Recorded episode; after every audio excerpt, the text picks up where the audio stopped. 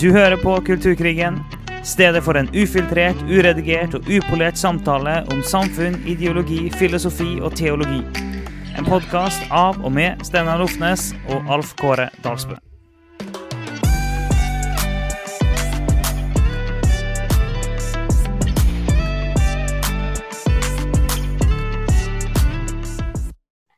Nei, så bra. Det, det er bra utkast.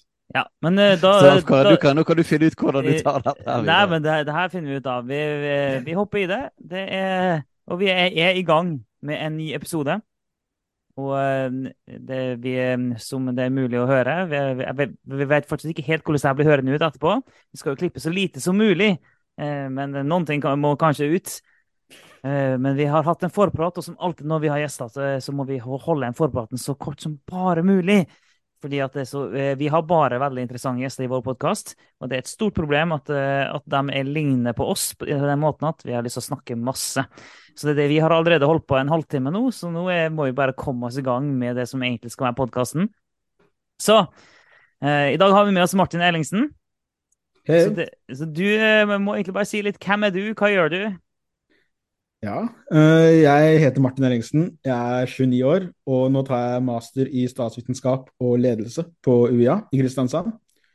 Så jeg er jo født i 1993, og når jeg var 21 ja, 20 år, så ble jeg født på ny. Da var jeg på DTS i New Zealand.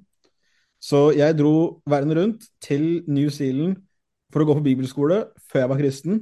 Og jeg hadde ikke planer om å bli Ja. kristen heller. Såpass, Jeg hadde bare planer om å dra på et veldig bra sted uh, og reise og farte rundt og late som jeg var kristen, og så uh, passe på at ikke foreldrene mine bekymra seg altfor mye. Eh, og etter sånn ca. tre dager da, så ble jeg veldig konfrontert med at de folka her var jo altså Enten så er de sprø, eller så er jeg sprø. Fordi jeg kalte meg, kalte meg kristen, men jeg trodde jo ikke på det de sa. De sa jo helt sånne sjuke ting, og at Gud snakka til de og sånne ting. Eh, og det trigga meg veldig, da, til å liksom Altså, jeg skjønte at uh, enten så er Gud alt, og det er det eneste som betyr noe i hele verden, og jeg må liksom forholde meg til det og bygge livet på det, eller så er det her bare totalt crazy. Uh, og jeg må legge det fra meg og gjøre fornuftige ting.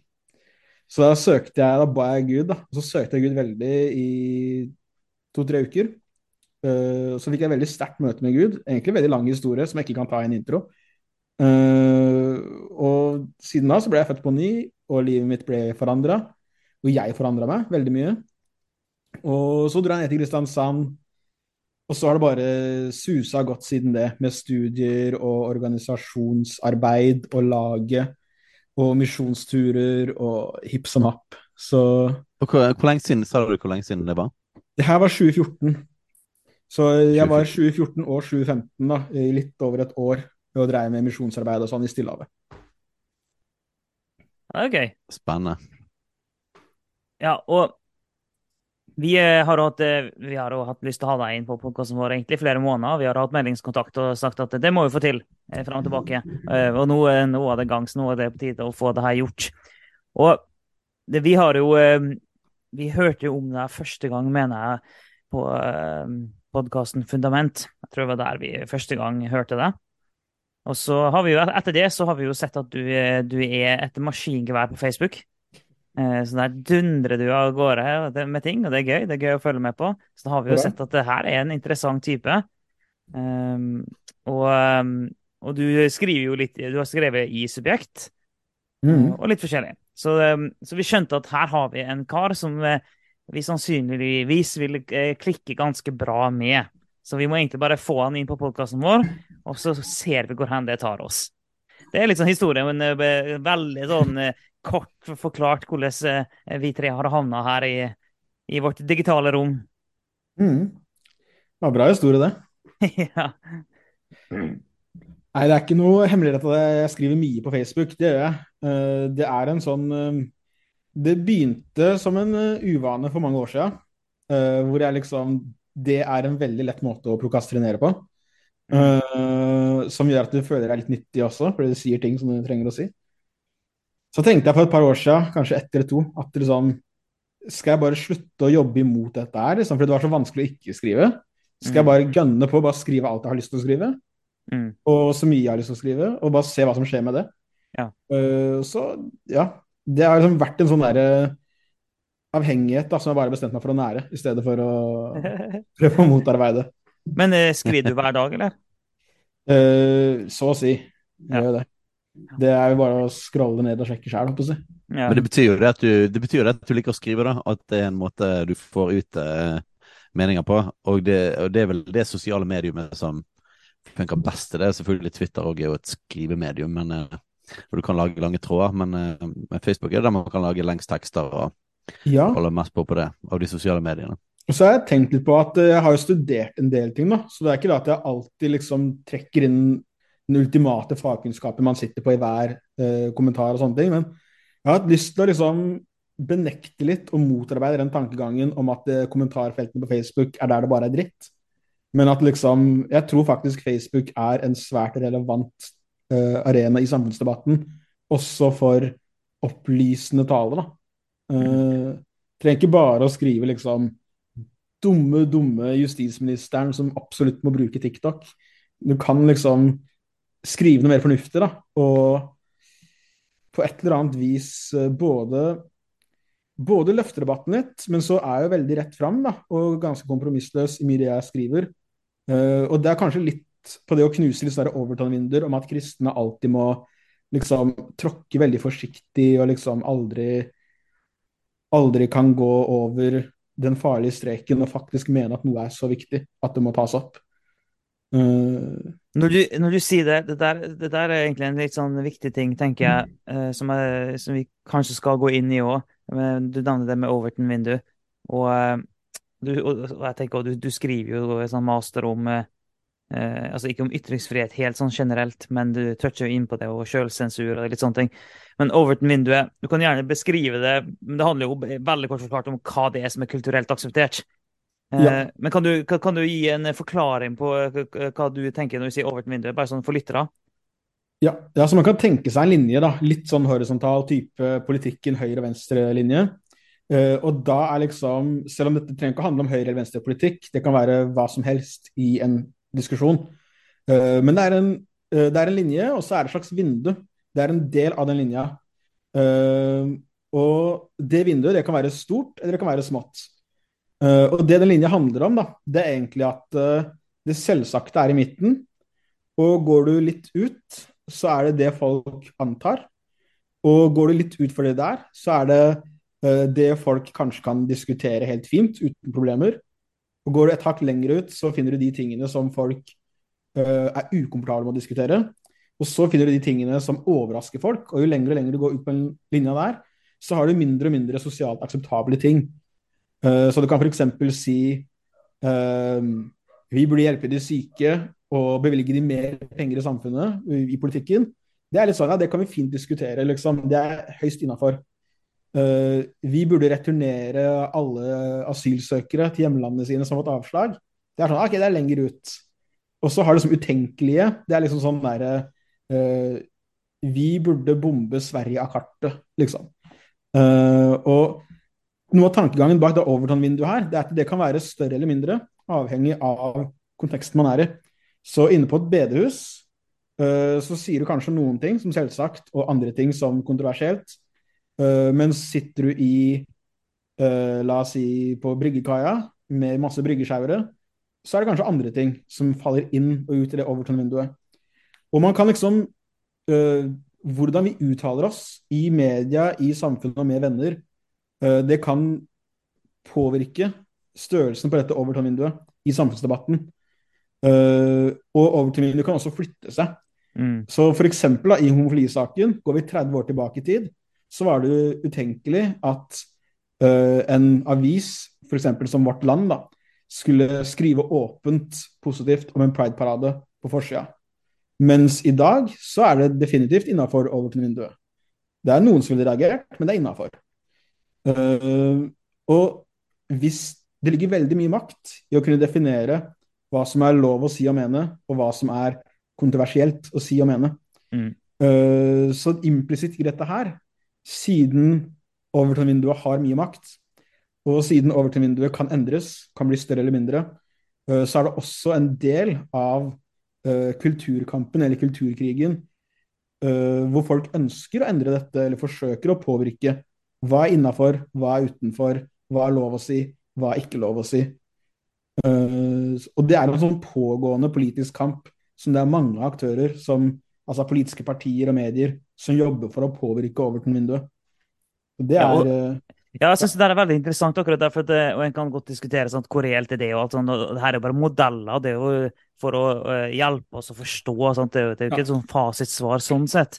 Men det som jeg syns er veldig nyttig med det, er et er, verktøy for å tenke. Ja, det er et verktøy for å tenke, og for å forstå sin egen samtid, og for så vidt. Eh, Men det, jeg syns det er nyttig da, med tanke på OK, som klassiske konservative kristne, som vi anser oss sjøl som, Mm. vi anser det i, i teologiske og en del andre spørsmål, så ser vi på oss sjøl som noen som bare står akkurat der som, eh, som eh, våre, holdt på å si, våre forfedre sto, i, eh, i hvordan vi ser verden. Ikke, ikke på alle ting, selvfølgelig, men på mange ting.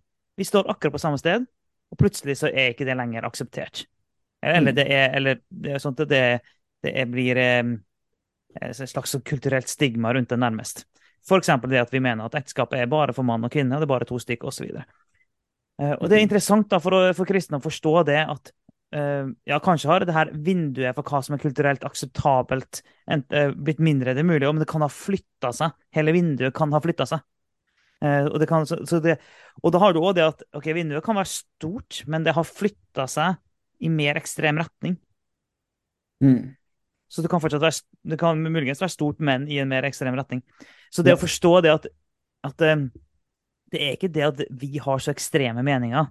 Det er bare at eh, det, det, vinduet for hva som er kulturelt akseptabelt, har forandra seg. Mm. Og det er spørsmål hva han gjør med det. da. Kan du gi noen eksempler når du sier liksom det her med altså ekstreme meninger, da, eller uh, kan du gi et eksempel konkret på kulturen i dag hvor du mener at det har flytta seg veldig langt? Å ja, du spurte meg nå. Jeg trodde Ja. du sa at du, du, skulle Nei, jeg spør deg. Nei, men altså, I, i, i podkasten vår så har vi jo vi, vi kommer til stadighet innom det, det bør nesten ha noen bedre eksempler etter hvert, men vi kommer til stadig innom eh, eh, det som har med kjønn og seksualitet å gjøre. Og seksuelle uttrykk har det vært eh, på en måte, det har vært ulike seksuelle uttrykk i alle retninger til alle tider. Det er ikke noe nytt i seg sjøl eh, med, med det. Og det har vært mange kulturer som har eh, fremma eh, mange forskjellige typer seksuelle uttrykk. Det, det vet vi. Men, mm. men bare det eh, Tanken om at du kan skifte kjønn, det er, var en helt sånn Du skal ikke mange år tilbake for det var en helt umulig tanke. At du kan Mm. skifte kjønn. Og jo da, det var det, en klarte ikke å se det for seg teknologisk, det er jo én ting, men det var en umulig tanke.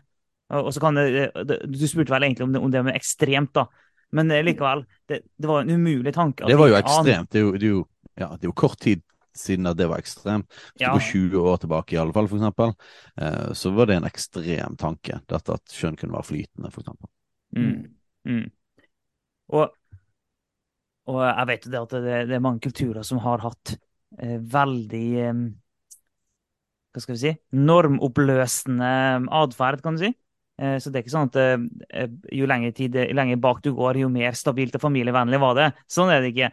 Men hvis du tar, eh, hvis du tar den eh, kristne kulturarven, kulturkonteksten, eh, så, vet du, så har den jo, og, sånt, og en kan alltid strekke fram eh, ting som har vært feil, og hykleri osv. Og sånn. Men i det store og det hele, Mm. har, i den vestlige kristenheten, så har det vært ganske solid med kjernefamilien, f.eks. Mm. Jeg vil bare legge til, da, uh, som man snakker om familie, at eh, familie er ekstremt viktig politisk og teologisk, og er egentlig nesten det punktet de møtes på mange måter. Uh, hvis man ser styringssystemer i verden, og så ser du på hvordan, hvilke deler av verden som har definert familie på forskjellige måter, eh, så er det noen veldig klare trender. At f.eks. de som har hatt uh, store uh, type klansamfunn og sånne ting, Mm. i mye større grad er diktaturer. Og man ser til og med innad i Vesten at det er forskjell på i land der den eldste broren har arva mest, så er det andre politiske verdier som har vært veldig pregende, Eller land der de arver likt, f.eks. Uh, og det var så konkret med, da, for å ta norske vikingtida eh, det som, En av de tingene som virkelig drev vikingtida, var at det var de eldste sønnene som arva gården. Og det betyr at de yngste sønnene, de hadde ikke eiendom. De hadde kanskje litt penger og sånne ting, men de hadde ikke mulighet til å opparbeide seg Altså, du kan ikke ha kone og fire barn og brødfø de. Så da får du litt det som vi snakka litt om på, på, introen her, eller før vi begynte, da. At uh, du får veldig mange unge menn som er kapable, som er sterke, som har evner, men de har ikke muligheter i det økonomiske strukturen i samfunnet. Uh, men de er krigere, de er flinke, de kan ro. Det lager seg båter, så plyndrer de seg penger og kone og eiendom bort i England eller i Frankrike eller i Øst-Europa. Uh, så liksom Selv om sånne ting da, som arverett eller ekteskapsnormer og sånne ting, det er dette her som altså Hvordan vi løser de spørsmålene, definerer hvordan vi bygger samfunnet vårt. Og, og i Bibelen så står det at uh, en far skal være prest i sin familie. Uh, hvis Det er veldig stor forskjell på et samfunn bygd på kjernefamilier som faktisk lever ut at faren er en prest, kontra et samfunn bygd på oppsplittede familier, barn som hopper fram og tilbake 50-50 mellom mor og far. Når det blir normen i samfunnet, mm. Mm. Uh, det har enorme politiske og uh, åndelige konsekvenser i et land. Det er jo, det er jo Ja. Ja, uh, vi, du, Alf. Ja, nei, men Ja, OK. Um, jeg har en litt større greie her, fordi jeg har nettopp lest en bok som heter 'Live Not By Lies'. heter den. Mm. Um, det, det, handler om um, Han skriver om uh, totalitarisme. Mm. Uh, og tar utgangspunkt i kommunismen som var i Øst-Europa. Og så um, går han gjennom og ser på hvordan så kristen motstandskamp ut under et sånt regime. Under et totalitært regime. Og det er veldig interessant, for én ting er når det er autoritært, og noe annet er når det er totalitært. Og mm. hvis en skal ta en sånn veldig enkel forklaring på forskjell Autoritært handler jo så Det er jo eh, det, det, det, Da kan du ikke få deg diktatur. Ja, det er diktatur. Eh, men så lenge du heller sånn noenlunde innafor eh, hvem det er som er sjefen, så går det OK. Mens hvis det er totalitært, så ligger ordet total. Sant? Hvis det er mm. totalitært, så handler det ikke om at det bare er sånn hvem er sjefen, men det handler om at en skal bestemme og styre ikke bare hvem som er sjefen, og hvem som styrer, men nå, hva du skal tenke, og hva du skal mene, og hvordan du skal se verden, og hva som skal være ditt, eh, eh virkelig, ditt verdensbilde, osv. Mm. Eh, og, og, så trakk han en del linjer til, eh, til, eh, til, det som skjer i dag, og at mye av eh, måte, hva skal jeg si, skeiv ideologi og transkampen og mye sånn er veldig totalitært. For det, det, det, er ikke lov å være uenig, og det eneste som er lov, er total omfavnelse. Alt annet som ikke er total omfavnelse, det blir slått veldig hardt ned på. Det er ganske totalitært. Men og så snakka han om ok, men hva er liksom, hva er en av måtene kristne sto imot det her på? Det var kjernefamilien. Mm. Så fortalte han en del historier og skrev om det. Liksom, kjernefamilien. Og snakka om at kommunismen angrep familien. Familien var en trussel mot makten, var en trussel mot det kommunistiske bildet. De ville oppløse familien. Men kristne som styrka kjernefamilien, holdt den tett sammen, sto sammen, de sto i en, Med kristen motstandskamp så var det selvfølgelig ikke med voldelige midler. Det handla om å som tittelen boka 'Live Not By Lies' det handler om å ikke kjøpe løgnene. Mm. Det står i sannheten, og det er, ikke, det er ikke alltid at det er en veldig superaktiv kamp, der du skal bare ofre hele livet ditt hver dag. Det er ikke alltid det, men du nekter i alle fall å spise løgnen. Mm. Eh, veldig, veldig interessant eh, bok, egentlig, men jeg syns det var så, egentlig ganske sterkt når han snakka om det med kjernefamilien er liksom en av mm. Ypperste eh, tingene i en, i en, kristen motstandskamp mot et, eh, totalitært regime og mot totalitær ideologi. Og vi ser det jo med, eh, med skeiv ideologi som liksom bare løser opp alt som har med biologi å gjøre, alt som har med kjernefamilie å gjøre. Det, det, er, det er samme mekanismer. Der. Og de, de, sier det åpent. De sier nøyaktig hva de ønsker. Er, de ønsker å skape normoppløsning, og de ønsker å dekonstruere ja. tradisjonelle syn på familie, seksualitet, skjønn, legning osv. De sier nøyaktig hva de ønsker. Og, og det interessante når jeg skriver om sånne ting som det her, da, når jeg liksom refererer til hva de sier, så får man gjerne liksom respons litt sånn her Det her er jo konspiratorisk og det er gærning, liksom. Men eh, nei, de ønsker å dekonstruere kjernefamilien, uh, heteronormativitet. De ønsker å dekonstruere tanken om at det er godt og selvsagt at alle barn har to foreldre Mm. og blir oppdratt av to foreldre. Mm. Det er, det er det de sier, er målet deres. Altså Foreningen FRI skriver jo rett fra på sin egen nettside. det. Og, Mm. eh, så de, de skriver det rett fram, og, og familien er ikke biologisk definert. Det, det, familien er definert av hva var det? Samtykke og eh, Jeg glemte hva en ting til. Men samtykke er liksom det, store Ja, samtykke var hoved, hovedgreien. Ja, er samt, samtykke er liksom hovedgreien. da. Likeverd, sikkert, eller et eller annet sånt. Ja. Men samtykke Ja. er liksom hovedgreien. Det er det som definerer om en familie, om en samtykke til at den er sammen som familie. Ingenting med biologi å gjøre. Høres ut som en venn, hvis du spør meg. Ikke en mor eller en bror. Ja. Eh, og, sant, og vi, sant, Vårt grunnlag for å si at det finnes noe mer enn venner eller noe du velger, er jo selvfølgelig kommer jo alltid tilbake igjen til skapelsen. Vi, tror, vi har jo, jeg vet ikke om vi har funnet opp det uttrykket, men eh, det, vi har ikke hørt det før. Det kom plutselig fra Alf Kåre i vår egen eh, episode om postmodernismen, eh, der man snakker om eh, altså guddommelig konstruksjon istedenfor sosial konstruksjon. Wow. Um, så uh, vi tror jo at ting er guddommelig konstruert. Uh, at ikke det er mennesker eller kultur eller mennesker eller bare med ord eller uh, osv. At vi ikke bare sosial, vi, vi tror ikke på sosial konstruksjon. Eller det vil si, du kan sosialt konstruere innenfor visse rammer, da. Hva med å eh, si at eh, det er sosialt konstruert innenfor treenigheten? At Faderen, Sønnen og Den hellige ånd sammen arbeider, bygger fram og skaper disse strukturene? det er sant. Men poenget er at vi tror på en, objekt, noe, en objektiv sannhet som er konstruert før menneskene Mm. Før menneskene fantes, da. Eh, og at vi lever på en måte i rammer som, som, ja, som er universelle og har vært konstante gjennom alle tider, gjennom i alle kulturer. Um, sånn, så vi, vi, vi tror jo at familien er noe helt annet enn noe som på en måte du kan på en måte skape bare med samtykke. Eh, men at det er på en måte en sånn byggestein i hele eksistensen.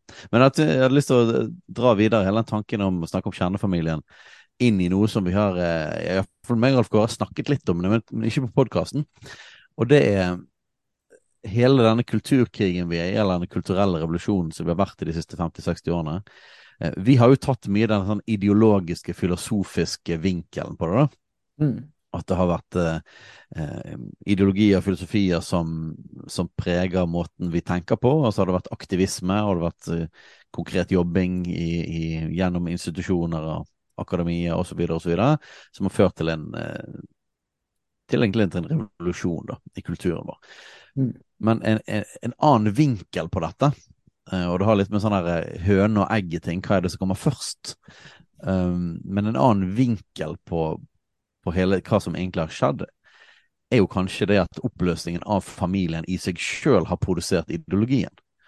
Mm. Eh, og kanskje det letteste å peke på er på en måte farløshetsepidemien. Ja. Eh, og, og, og det er vanskelig å si hva som kom først av disse tingene her, men, men, eh, men det går definitivt an å ta kjernefamilie kan vi si, vinkel da, inn i hele denne kulturelle revolusjonen. at Når du, når du oppløser kjernefamilien, litt sånn som du brukte eksempelet fra vikingtiden, at på en måte rammene for hvordan man gjorde sånt arvesystem og sånt, førte til konkrete resultater da, i, i, i Mm. kulturen. Mm. Og, og på mange måter eh, Det er jo spørsmålet John Peterson har jo vært innom disse tingene flere ganger òg. At eh, det er jo nesten skummelt å bare si det ordet, eh, men femininisering. Ja. Eh, Mm. og, og da er det viktig å si det at femininisering er jo ikke noe negativt i seg sjøl, og det høres ut som det feminine er negativt. Nei, nei, nei. Vi tror at Gud har satt mann og kvinne. Mm. Men det vi tror på, er en rett balanse mellom det maskuline og det feminine. Mm. Eh, mellom mann og kvinne, og at vi har roller som passer til det vi er skapt til.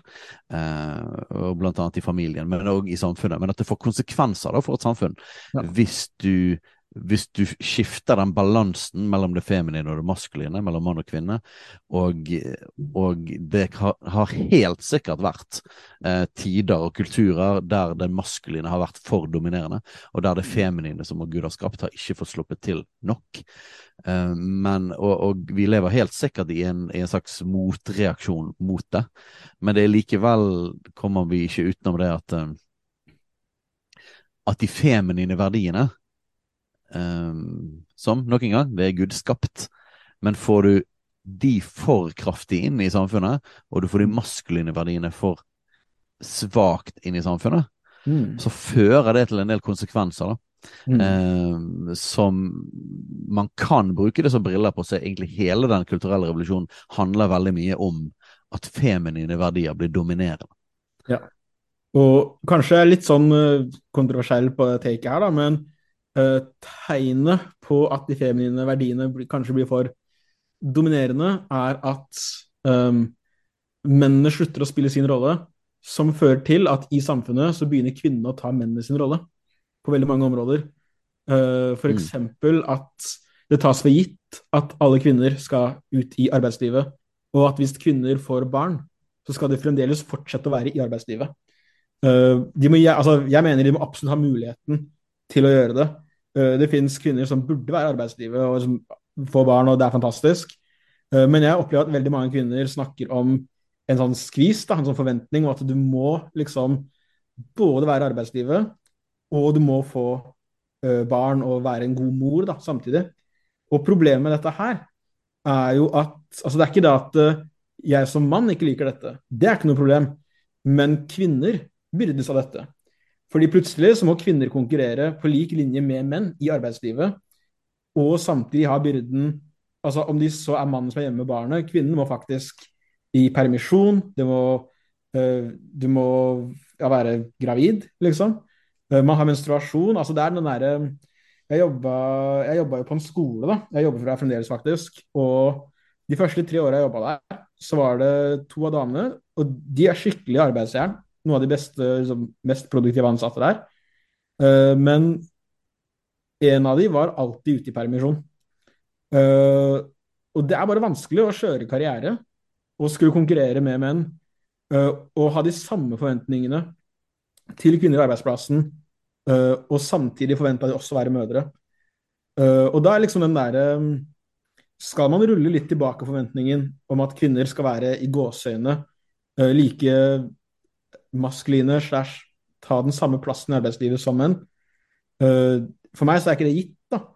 Men noe av tanken her er bare at når kvinner begynner å ta det som tradisjonelt har vært mannlige roller, så er det også en byrde for veldig mange kvinner som de opplever uh, Det er ikke sikkert man hadde sagt det, og det er ikke sikkert at man hadde gitt opp de på en måte maskuline rollene som en del kvinner tar på seg.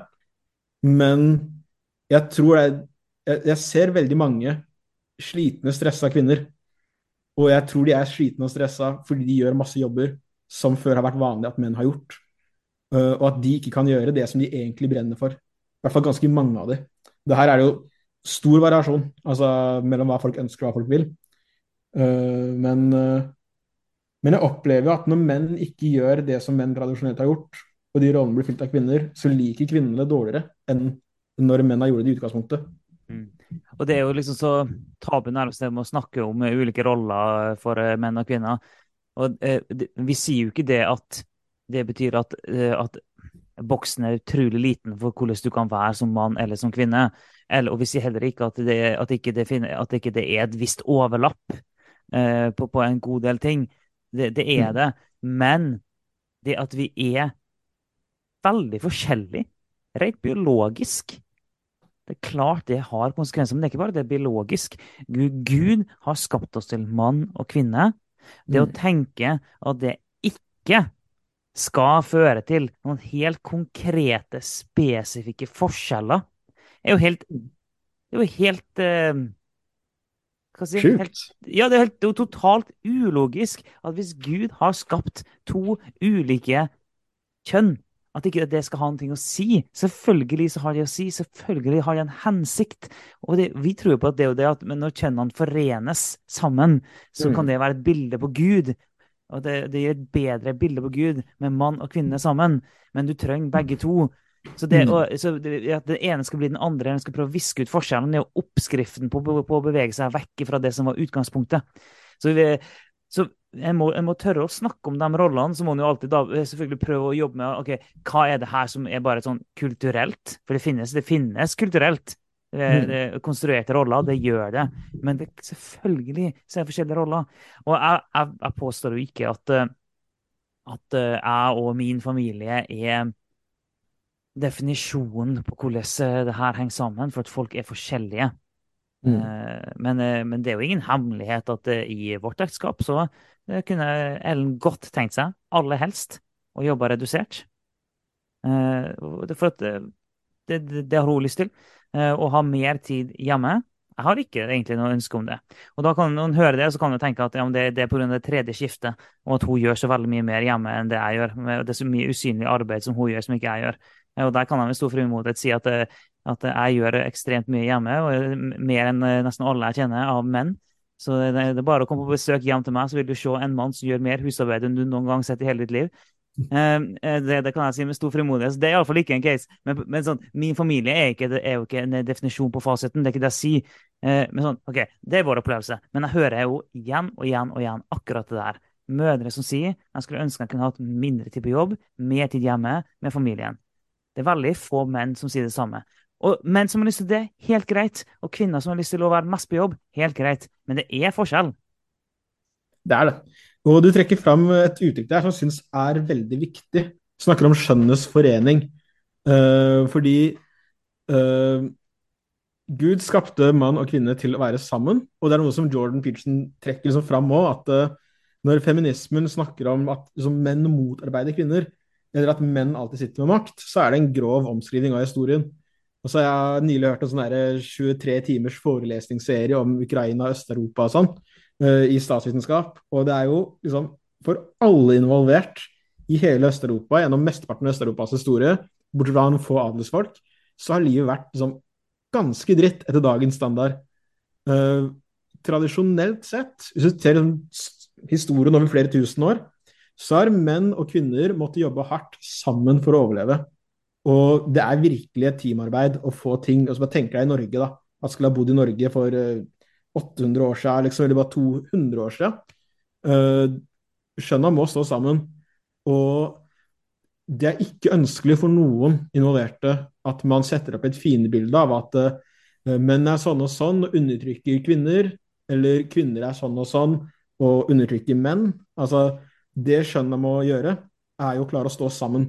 Det er at eh, altså, kvinner trenger gode menn og sterke menn. Og menn trenger gode kvinner og sterke kvinner. Men de må være forent, underordna hverandre, underordna Gud, osv.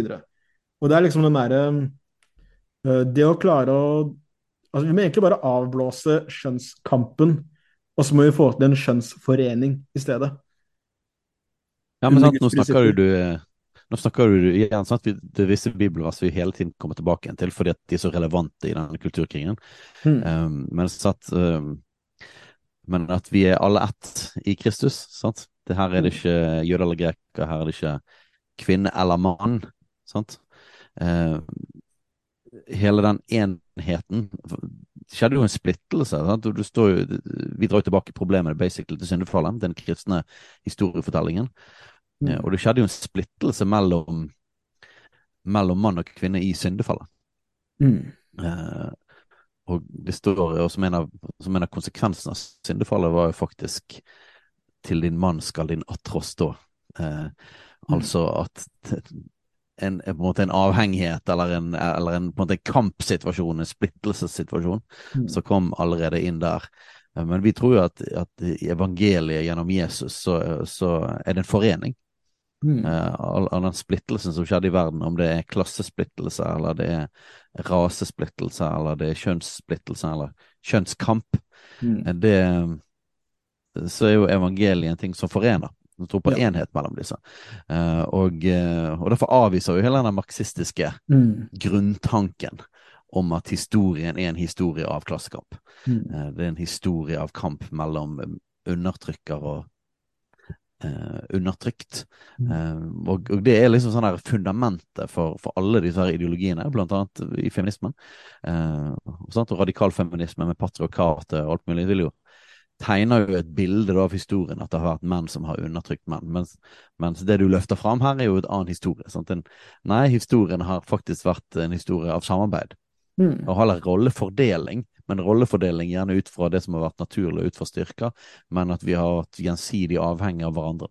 Mm. Og, og jeg synes det er veldig Jeg har tenkt mye da på liksom det her med å måte, rekonstruere, eller på så mange arenaer i samfunnet så må vi bli liksom Ikke drive med dekonstruksjon, vi må drive med rekonstruksjon. Vi må bygge noe opp, ikke rive det ned. Fordi altså, sånn dekonstruksjon og kritiske studier og sånn, det er dritenkelt, egentlig. Det er bare å si at uh, her er to folk som mener noe. Uh, den som har mest makt, har feil. Eller her er hvorfor den som sa det, har mest makt, og derfor tar feil. Mm.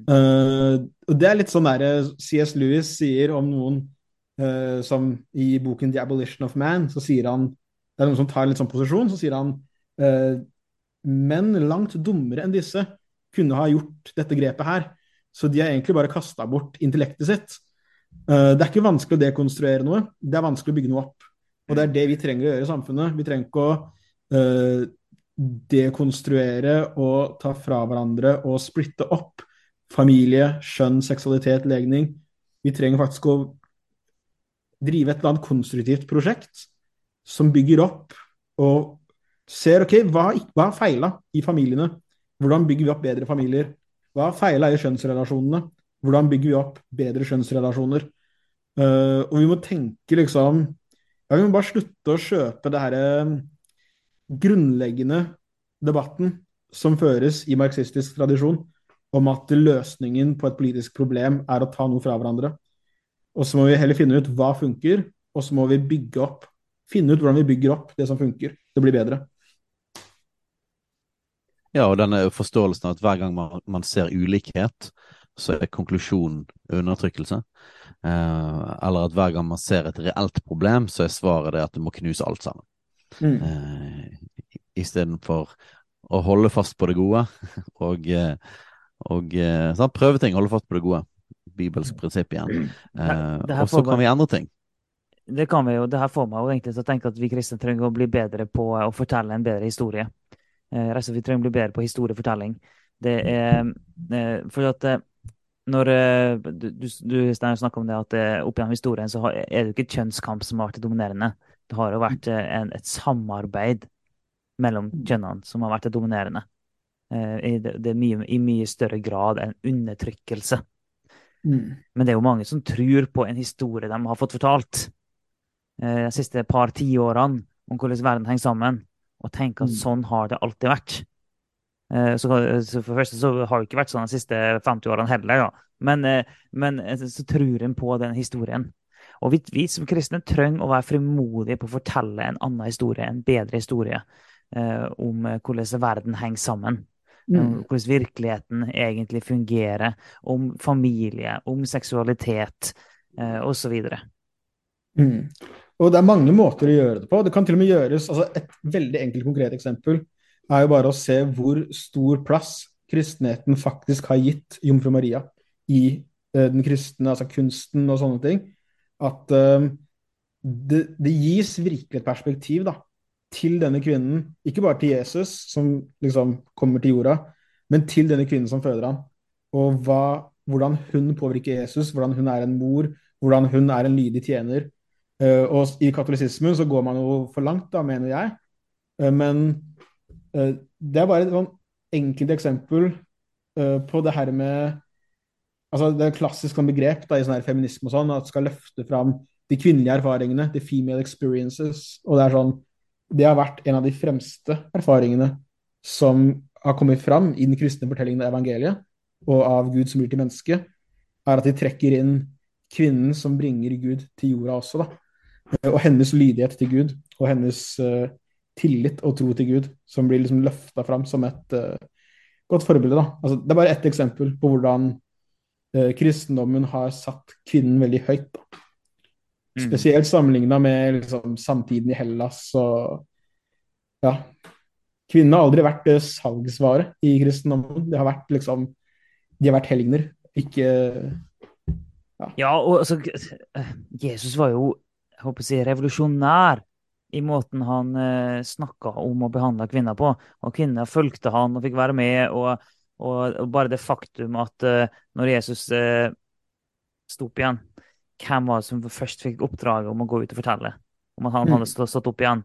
Jo, noen som ikke hadde, eh, hadde tillit. Noen som ikke var ansett som et troverdig vitne. Jo, dem skulle ut og fortelle om at Jesus har stått opp fra de døde, noe ingen trodde var mulig i utgangspunktet. Nei da, altså du, du sender et, et, et, et, en person som ikke blir, er ansett for å være troverdig vitne fordi hun er kvinne. Mm. Eh, Den personen blir sendt for å fortelle om noe som er totalt umulig. Det var Mm. planen for å forandre verden. Så det, Mm. det, det, sier, det sier noe om at, eh, at eh, Jesus så litt, litt annerledes på, eh, på kvinnen enn samtiden gjorde. Mm. Og det er noe av det siste, og det er det siste han gjør på korset, er jo å sørge for at moren hans har noen som tar vare på henne. Og sier til Johannes 'dette er din mor', og sier til Maria 'dette er din sønn'. Uh, og at det er liksom det siste som Gud gjør da, før sin død, er å sørge for sin mor, er jo også et sånt eksempel på hvordan Jesus uh, priori altså hvordan Gud prioriterer kvinnen så høyt at det er det han er bekymra for, eller tenker på.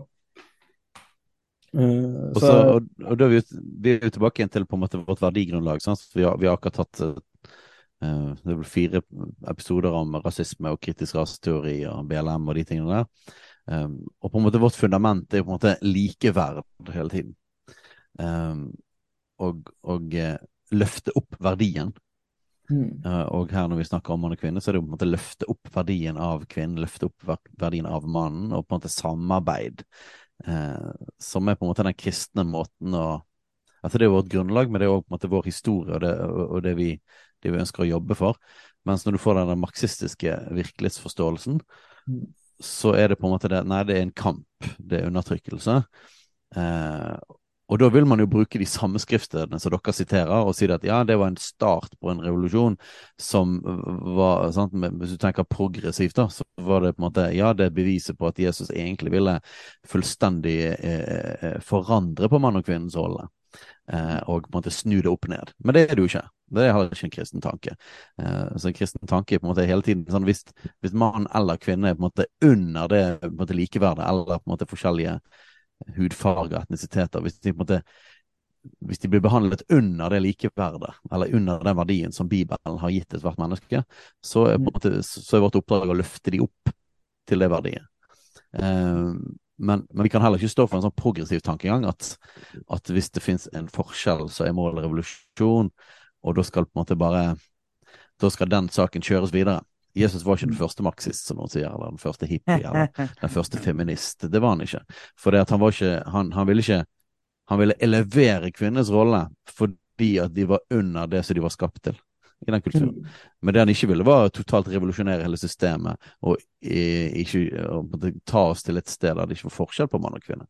Det kan man jo heller ikke måtte, ta, ta Bibelen til inntekt for. Den her likhetsgreia som vi snakker om da, i marxismen, det er på en måte en likhet som resulterer i eller, Det er en likhet som alltid får en konsekvens at det splitter, hvis du skjønner. Uh, og, eh, og, og skaper skillelinjer. Vi ser det spesielt i dag. da. Det skapes skillelinjer mellom raser, mellom skjønn, mellom legninger, mellom masse rart. Uh, den kristne tanken om likeverd og opphøye noe handler om å forene det og hva skal jeg si få alt under Gud, da. Eh, Kontra å drive liksom sånn derre kvantifysikk til du egentlig bare har klart å splitte alle, og så skal det skje et eller annet som jeg ikke veit hva er, liksom. Ja. Eh, Ja, det er totalt eh, Det, det er en sånn skikkelig sånn her viktig understrøm og linje i alle disse spørsmålene vi tar opp i hele kulturkrisgreiene. Så på en måte at evangeliet er forening, enhet, samarbeid, løfte folk opp, um, stå sammen. Sant? Mens, mens marxismen er dekonstruksjon, splittelse, kamp mellom. Ja, og, og ned i da stadig mindre identitet, identitetsgrupper. hmm. Ja, det er jo Så det bør vi være på vakt for. problemet da med dette her, når du splitter folk opp i Altså Nå skal jeg prøve å ikke liksom, snakke meg bort her, men uh, det at folk splittes og individualiseres, gjør de svakere og gjør at de kan utnyttes lettere, både av staten og av markedskreftene. Uh, så jeg mener at liksom, skal man bygge gode samfunn, uh, så må vi ha uh, vi må ha identitetsgrupper i samfunnet, og de må liksom henge litt sammen med virkelighet. Altså, du må ha familie. Det må faktisk være sånn at jeg opplever en lojalitet til mine foreldre på et eller annet vis. Og at de opplever en lojalitet til meg, det er et godt samfunn. Eh, det må være en lojalitet med de folka du deler landet ditt med.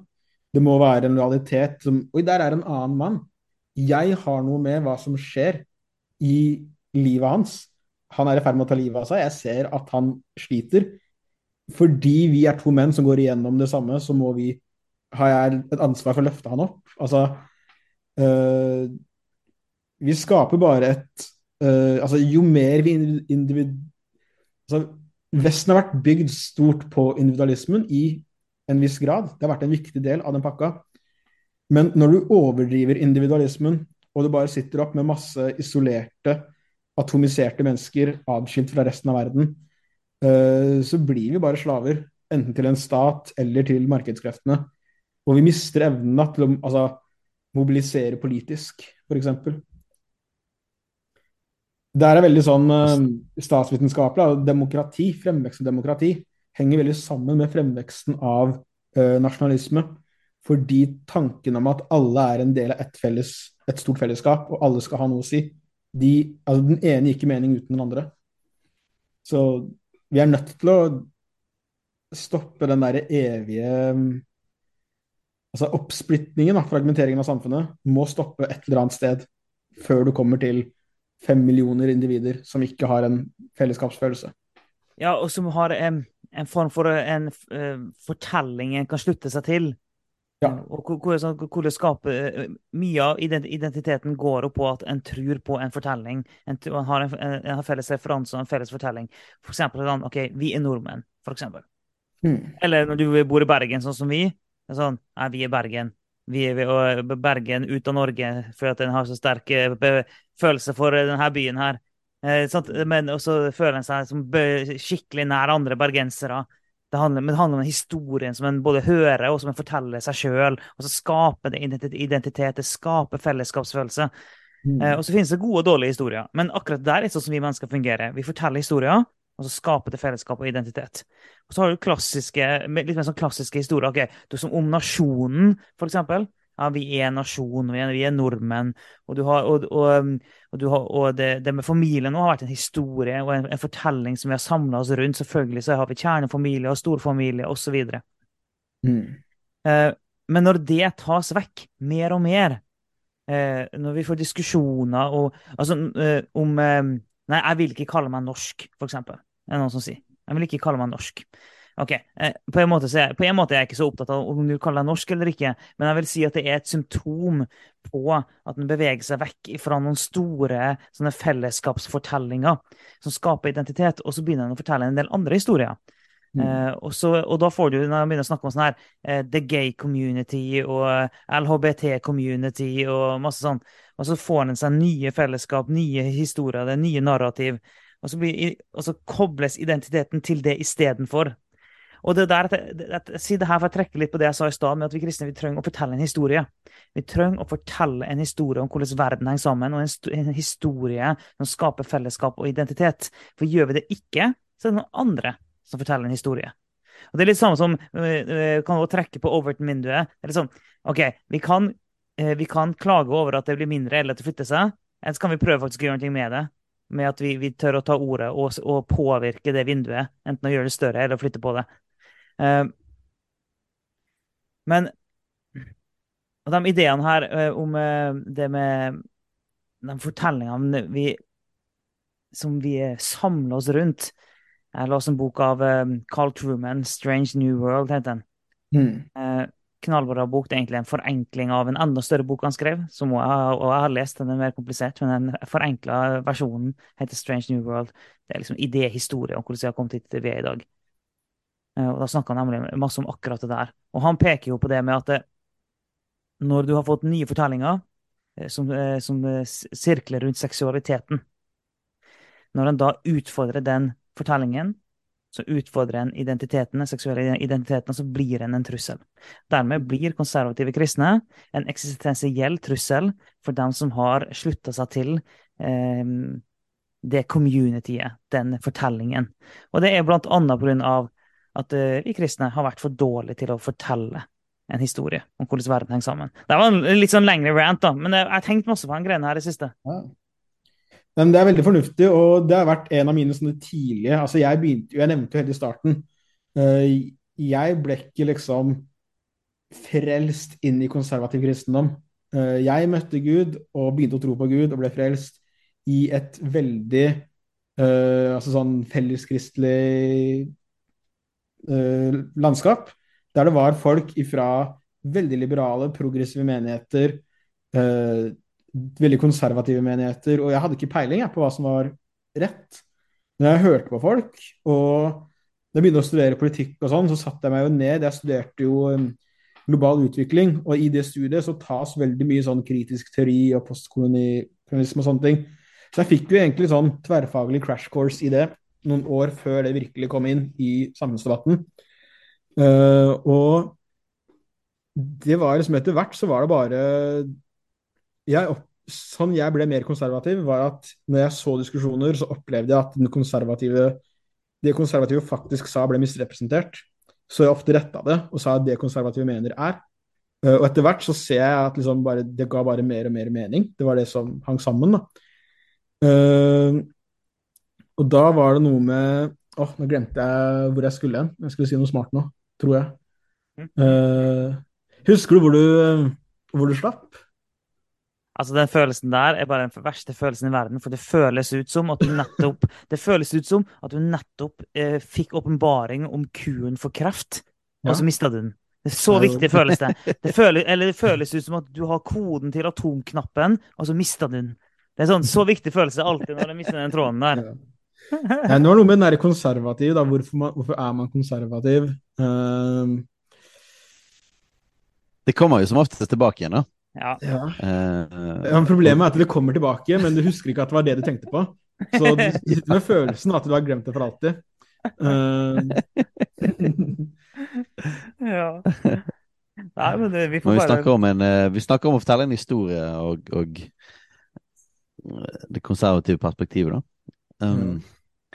Og her snakker vi jo som gode konservative, men, eh, men eh, vi kan spole litt eh, grann tilbake mens du tenker at um, det blir jo snakket om en nasjonal historie og nasjonalisme og de tingene der. og Bare for å dra liksom det inn til tidligere episoder og sånne ting, uh, for å differensiere, så snakker vi her om en sånn moderat nasjonalisme. Um, fare med nasjonalismen er jo at du, du kan bli til litt sånn tribalism på en, på en måte som gjør at du ikke bare er Du holder sammen en, altså, i et land på en, en, ja, en flokk, men du, men du, begynner å skape fiendebilder som, som gjør at, at du blir anti de andre. Sant? Så da går nasjonalismen måte, så langt at den på en måte ikke er sunn lenger. Eh, og det er jo på en måte sånn balanse hele tiden. da.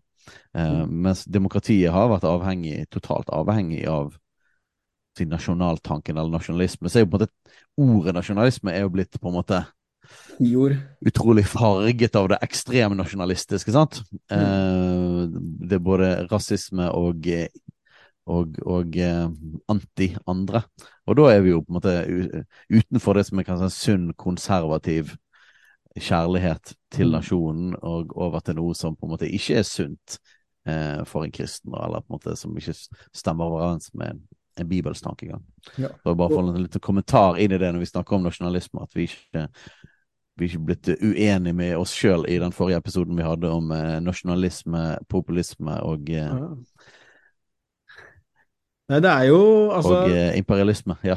det, et sånn virkemiddel som jeg har brukt oppi huet mitt, ofte tenkt, det er liksom eh, altså, Gir det du sier, mening? Vend det om, og hør om det gir mening. Og da tenker jeg litt sånn Er det godt å bo i et land som du ikke er glad i?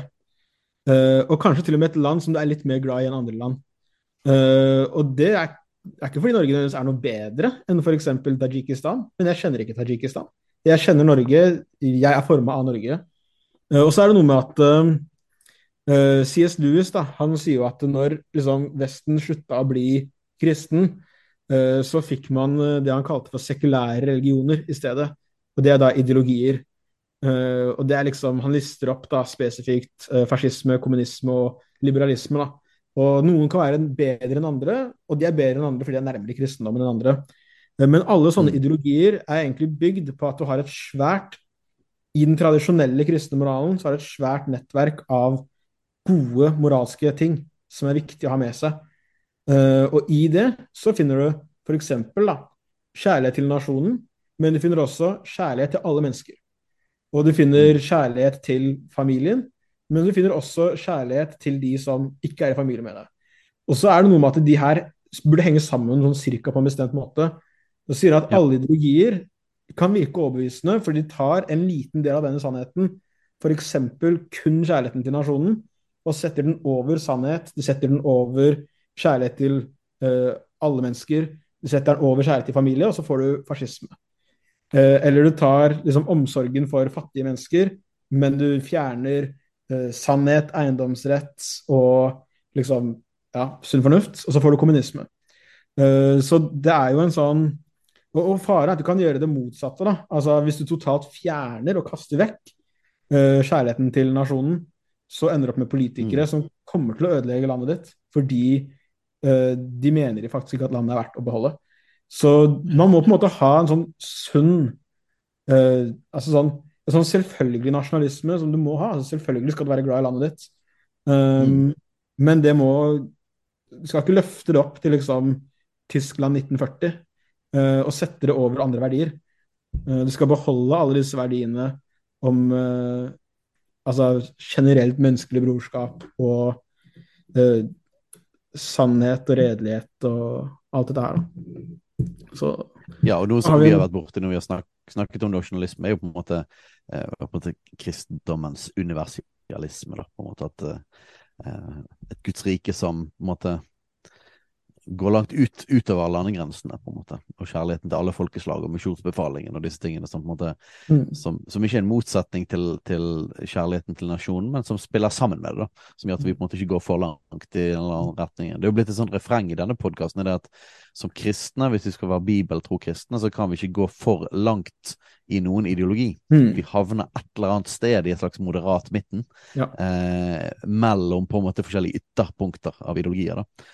Uh, alle, ideologier er mindre, alle ideologier er mindre enn Guds tanke. Så det å følge en ideologi fullt og helt vil avskjære deg fra viktige deler av Guds hjerte. Så liksom, og om, om det så er kommunisme på den ene sida, eller om det er eh, humanisme på den andre sida, så vil det være viktige aspekter av Guds hjerte som ikke kommer med. da. Uh, og bare helt sånn avslutningsvis i forhold til det her med nasjonalisme. altså Gud snakker jo om nasjoner gjennom hele Bibelen så bruker Gud det, og han skaper de. Eh, det er det han gjør med israelfolket. Det er jo en familie på 70 eller 72 mennesker som drar ned til mm. Egypt. Og når de drar ut av Egypt, så har det blitt mange.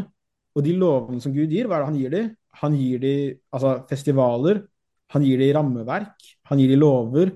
Han skaper en nasjon ut av det som før bare var en klan, basically. Mm. Uh, og så leder han denne nasjonen inn i Israel og gir det et land. Uh, og så har vi liksom amorittene og moabittene, og vi har perserne og kaldeerne og asyrerne. Og det er liksom uh, Skal man være bibeltro, så må man jo snakke om uh, nasjon, da. Og det er ikke at man skal ta opp det fordi liksom nasjonalisme er så sykt viktig, men fordi det er et av de punktene som jeg ville sagt, og jeg tenkte på om jeg skulle ta opp i stad, jeg syns er litt ekstremt i Overton-vinduet i dag, da. At mm. det å liksom altså, Hvis du f.eks. mener at du ikke skal være med i EU, men du skal liksom styre deg selv det er vel sånn, Jeg har tatt EU-studier på masternivå, så det her er en sånn nerdegreie for meg. da. Men er du det er, det er, store krefter som konstant drar oss nærmere EU bare av natur. altså Det er samarbeid, økonomi eh, liksom, Når du først har begynt å samarbeide, så blir det tettere og tettere over tid alle samarbeid funker egentlig sånn, så lenge man ikke blir uvenner. Uh, så Norge er kontinuerlig i dragning mot EU. og Det er bare å se hvordan vi, vi tar konstant nye lover fra EU-systemet inn i Norge uh, hver uke. Og da er liksom noe av uh, Hvis det skal få praktiske konsekvenser å si at det, liksom, Norge skal styre Norge, så er du plutselig liksom altså Da er du en euroskeptiker, plutselig. Du er ikke en, altså, det er ikke én av to nøytrale posisjoner skal jeg være med EU eller ikke? Du du er, en euroskeptiker. Du er en motstander mot noe. Oi, når ble jeg en motstander mot noe? Jeg vil bare at det skal bli styrt sånn som vi alltid har blitt styrt. Ja. At vi skal følge de samme lovene vi alltid har fulgt. Og at liksom det politiske systemet i Norge skal være det samme nå som det var i 1990. uh, i og med at ikke vi har vedtatt noen endringer. Uh, men da er man plutselig en sånn altså, Da er du enten en uh, populist i Senterpartiet, i beste fall, eller så stemmer du Rødt, eller så stemmer du liksom Frp eller alliansen. Og det er sånn derre Hæ, når, når skjedde det? At det at vi skal liksom beholde det norske politiske systemet som det er, er ytterliggående på et eller annet vis. Det er sånn rart for meg, da. Og da tenker jeg at uh, hvis ikke vi er bevisst på det, så er vi ikke bevisst på det fordi vi har radikalt undervurdert relevansen til konseptet nasjon. Da. Uh, og så er Det litt interessant at det du òg sier der, da, er jo det at uh, å være konservativ blir ekstremt. Ja. Ja, egentlig. Å si at uh, For det er litt sånn der med Du ser det litt da, for brexit, f.eks. Altså, jeg har alltid reagert på at de folka som vil ha liksom det samme, mer eller mindre den samme politikken som de vokste opp i, at de er radikale, liksom. At de er eh, Der er det noen eh, liksom Ja, altså Jeg vet ikke, jeg. Nei, du er ikke rasist fordi at du ønsker å bli gammel i det samme nabolaget du ble født i, hvis du skjønner. Altså, det er ikke ja. noe galt i migrasjon, men du er ikke du er ikke rasist fordi du sier jeg syns kanskje det er nok, jeg. Liksom. I hvert fall en periode. Eh, det er liksom, det er en fornuftig tanke. Det er vanlige mennesker, liksom. Men det som ofte blir slengt ut, da, er jo det at mm. hvis en er imot et eller annet, som eh, er noen store forandringer som skjer, så er en reaksjonær. Mm. Det blir jo slengt ut veldig ofte. En reaksjonær. Og det, og det, kan oppleves litt sånn urettferdig av og til, når en opplever at jeg mener det jeg har ment hele veien. Jeg står her, jeg har stått hele ja. tida. Det er egentlig veldig lite som har forandra seg hos min side, men jeg ser at det er ting som skjer her nå som jeg ikke syns er bra. Og bang! Jeg har blitt reaksjonær fordi at jeg står på akkurat samme sted og ikke har lyst til å bli med på en revolusjon. Mm. Det er ja, enig. Men, men, det er jo helt klart at sant, det har jo altså en av måte, filosofien, ideologiene, understrømmene som vi har vært borti det litt, grann, men vi har ikke snakket veldig grundig om det. Det er jo progressivismen. Um, og, og, den har jo, både når vi snakker om overtonvinduet og vi snakker om det med å være reaksjonær, så er jo det fordi det ligger en, en tanke i bunn om at historien er en slags kontinuerlig progresjon, der alt skal bli bedre hele tiden. Altså, ikke, det blir en slags kontinuerlig, kontinuerlig revolusjonær tilstand, da, der mm. du hele tiden skal kvitte deg med det gamle for å komme videre til på en måte utopia jeg vet ikke om det er målet å komme til et utopia, men det blir liksom et slags, ja, det blir på en måte mer og mer utopia jo mer av det gamle du kvitter deg med. da. Mm. Eh, og det er veldig mange som bare tar det for gitt.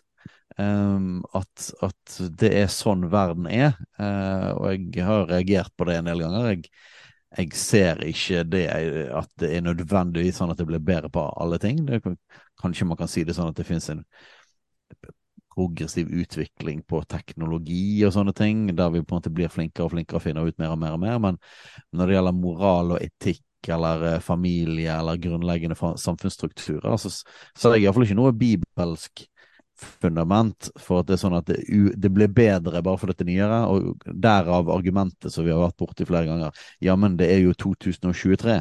Ja. Eh, eller det der er middelaldersk, eller det der er jo sånn 50-tallsgreie. Som at det er et argument i seg sjøl, for da sier man på en måte det at noe var før.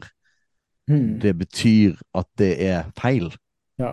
Og da liksom lurer på hvor, hvor har du det argumentet fra, og det er progressivismen. Altså at at liksom, selvfølgelig blir det bare bedre. Så vi kan si for eksempel ja, men hallo, for 20 år siden eh, og kortere tid enn det, så var jo alle enige i det at du kan ikke skifte kjønn, eller at kjønn er ikke flytende. Mm. Og da blir det sånn ja men, ja, men det var jo før. Og før tok vi feil. Nå har vi funnet ut av dette, tydeligvis. Det var sånn akkurat som at alle nye ideer er sanne bare for at de er nye, da. Mm. Eh, og, og, mitt eh, klassiske eksempel er det at ja, ifølge det, da, så, så, så var det i så fall progressivt at Tyskland gikk fra, fra Weimar-republikken på 20-tallet mm. og eh, forsøk på demokrati til nazisme på 30-tallet. Eh, for da var jo det noe som lå bak. Sant? Var du konservativ på 30-tallet, mm. så var jo du for for keiserdømme, eller kanskje demokratiet på 20-tallet. Ja. Eh, så, så det at ting blir bedre bare for at det går fremover, syns jeg er en utrolig underlig tanke. da. Altså er det en sånn eh, en, eh, en ganske stor logisk brist i det når du tenker på OK, hvis det er sånn at det blir bedre bare fordi det er nytt, eller bare fordi det er for framtida, eller bare fordi det er det neste, dermed er det bedre. En ting er det som altså, har, Du har referert flere ganger til C.S. Lewis her, Martin. Men han, han sa det med kronologisk snobberi, som jeg syns er et utrolig godt ord. Men den tanken mm. om, at, eh, om, at, alt bare blir bedre, og alt det som var gammelt, det var dårlig. Men, men eh, hvis det er sånn da, at ting blir bedre, ting blir mer rett, bare fordi det er nytt og framover, så er det jo sånn, da, hvis det er logikken Hvis plutselig pendelen snur, og, så, og, det, og, og, en finner ut at vet du hva, det var ikke så smart å prøve å skifte kjønn, det viste seg å være umulig, vet du hva, vi går vekk ifra det. Nei, det, det her funka ikke, vi går vekk ifra det. Og sånn, vet du hva, eh, det viser seg at det var ikke så smart å løse opp kjernefamilien vi, vi, begynner å legge mye mer fokus på, på mann og kvinne og, og kjernefamilien igjen. Det, vi, vi, vil heller bygge samfunnet rundt dem. Da, da, da, skal det i teorien egentlig være progressivt. da. For det, det er noe nytt si om det, at det skjer om 50 år. Mm. Så hadde det vært riktig at bare fordi det er nytt og det neste Så, sånn, så, så om 50 år da skal vi si ja, men nå er det 2073. Så ja. du må jo forstå at kjernefamilien, det er det big deal her. Sånn, sånn, det er, det er så, så, sånn sett så progressivismen skyter seg sjøl i foten, for den den har, ikke noe standpunkt. Problemet med progressivismen er Unnskyld å være litt sånn slem, på seg, men den er veldig uh, puslete. Altså, når jeg tenker, altså, når jeg tenker en progressivistisk filosof, uh, så tenker jeg ikke en jeg hadde vært veldig redd for å slåss mot, hvis du skjønner. Uh, og problemet her er at hvis hva enn det er nå som gjelder, er best, så handler egentlig kultur og ideologi kun om en maktkamp. Ja. Og den, den, maktkampen den kommer ikke de progressive til å vinne. Før eller siden. Så fort øh, folk med faktiske muskler og faktiske våpen og faktiske ideologier øh, ser en mulighet, så kommer de til å ja, Progressivistene kommer til å tape, da. Altså, før eller siden så svinger pendelen den andre veien.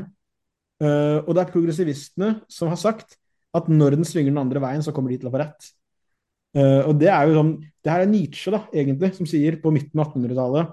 Og han sier dette her som en konsekvens av at han ser at Gud ikke lenger er relevant i samfunnet. At folk tar ikke liksom valg og ideologi basert på moral og for å følge Gud. Uh, de får liksom tro om at, altså, at de kan flytte Overton-vinduene der de vil. ikke sant? At du kan Det har ikke noe å si om noe er sant. Er, altså Nazistene har jo det her the great lie. altså Det eneste de trenger, er bare å lyve til befolkningen. Uh, gi dem en trygg løgn, sånn at de bare gir dem all makt, og at de slutter å motarbeide det. Uh, så det her er liksom For meg definerer dette her modernitet. Altså, hva er modernismen? Modernismen er at mennesker tror at mennesket har makt til å strukturere verden. Og så prøver de det, og så bare totalvrakes det, spesielt i andre verdenskrig, men også i første verdenskrig. Så etter andre verdenskrig, når du får som kommunismen og nazismen, så mister Vesten all tro på seg selv. Og man mister all tro på at mennesker kan styre samfunnet. Og da begynner vi bare å fragmentere alt og få mindre og mindre sånne eh, Altså, vi begynner å dekonstruere alt, da, fordi vi har ikke tro på noe. Um, ja, og det er jo roten til hele postmodernismen. sant? At på en måte ja. den desillusjonerte eh, tilstand. Da, av på en måte Oi, ingenting funket faktisk. sant? Og, og klart, ja. progressivismen kommer jo fra opplysningstiden. sant? Troen på fremskrittet. Og noen ville jo sikkert sagt at ja, hala, vi mener ikke nødvendigvis at det går bedre og bedre for hvert tiår, og det, det, går mm. plutselig an å få en liten dupp eller sånn og sånn, og sånn. Men, de, men de tror likevel at i det store og hele så går, kom, blir det bedre og bedre og bedre og bedre og bedre, og bedre, og vi utvikler oss. Og det er på en måte en slags man tenker på samme måte som man da har utviklet seg fysisk, sant? hvis du tar hele eh, darwinismen, utviklingslæren, så tenker man at man også, vi òg moralsk på en måte utvikler oss hele tiden. Um, men, kan jo men si at jo lenger og lenger ja. vi har gått gjennom historien, jo flere og flere mennesker har vi drept, eksempel. Kan man fint si også. Altså sånn. Ja, sant. Eh, for, det, for, hvis du ser de store bildene som du nevnte, så, så funker jo ikke det heller, liksom. Fordi at uh, ja, men andre verdenskrig var jo, har vi aldri drept flere mennesker noen gang, og det var i dette århundret. Mm. Eh, etter, før skjøt vi mye etter opplysningstiden. og nå gasser vi folk i hjel milliontall, ikke sant? Altså der mm. ja. har vi blitt bedre. og Derfor er det så utrolig viktig for en kristen at vi kan ikke ha Vi kan ikke kjøpe den her. Og dette er en veldig sånn underbevisst greie som jeg tror veldig mange kristne tror på, for det, det ligger så tydelig inne i vestlig tankegang. Denne her Mm. progressive tankegangen. Og, og det er viktig for oss kristne å ikke gå med på det og arrestere folk hver gang de kommer med på en måte, det er jo 2023-argumenter. Det var sånn, hva, hva, mener du egentlig? Hva er det som ligger under egentlig det? For det er, det er jo et totalt ubrukelig argument. Eh, Det er ikke et og- og- argument. og- nei, det er ikke et argument, men det blir brukt hele tiden. Det er en Altså, observasjon. Mm. Ja, folk, folk bruker det hele tiden i media, og det, det har liksom kjempetyngde, virker det som. Men det er så viktig for oss kristne å tenke at vi, vi tror på objektiv sannhet.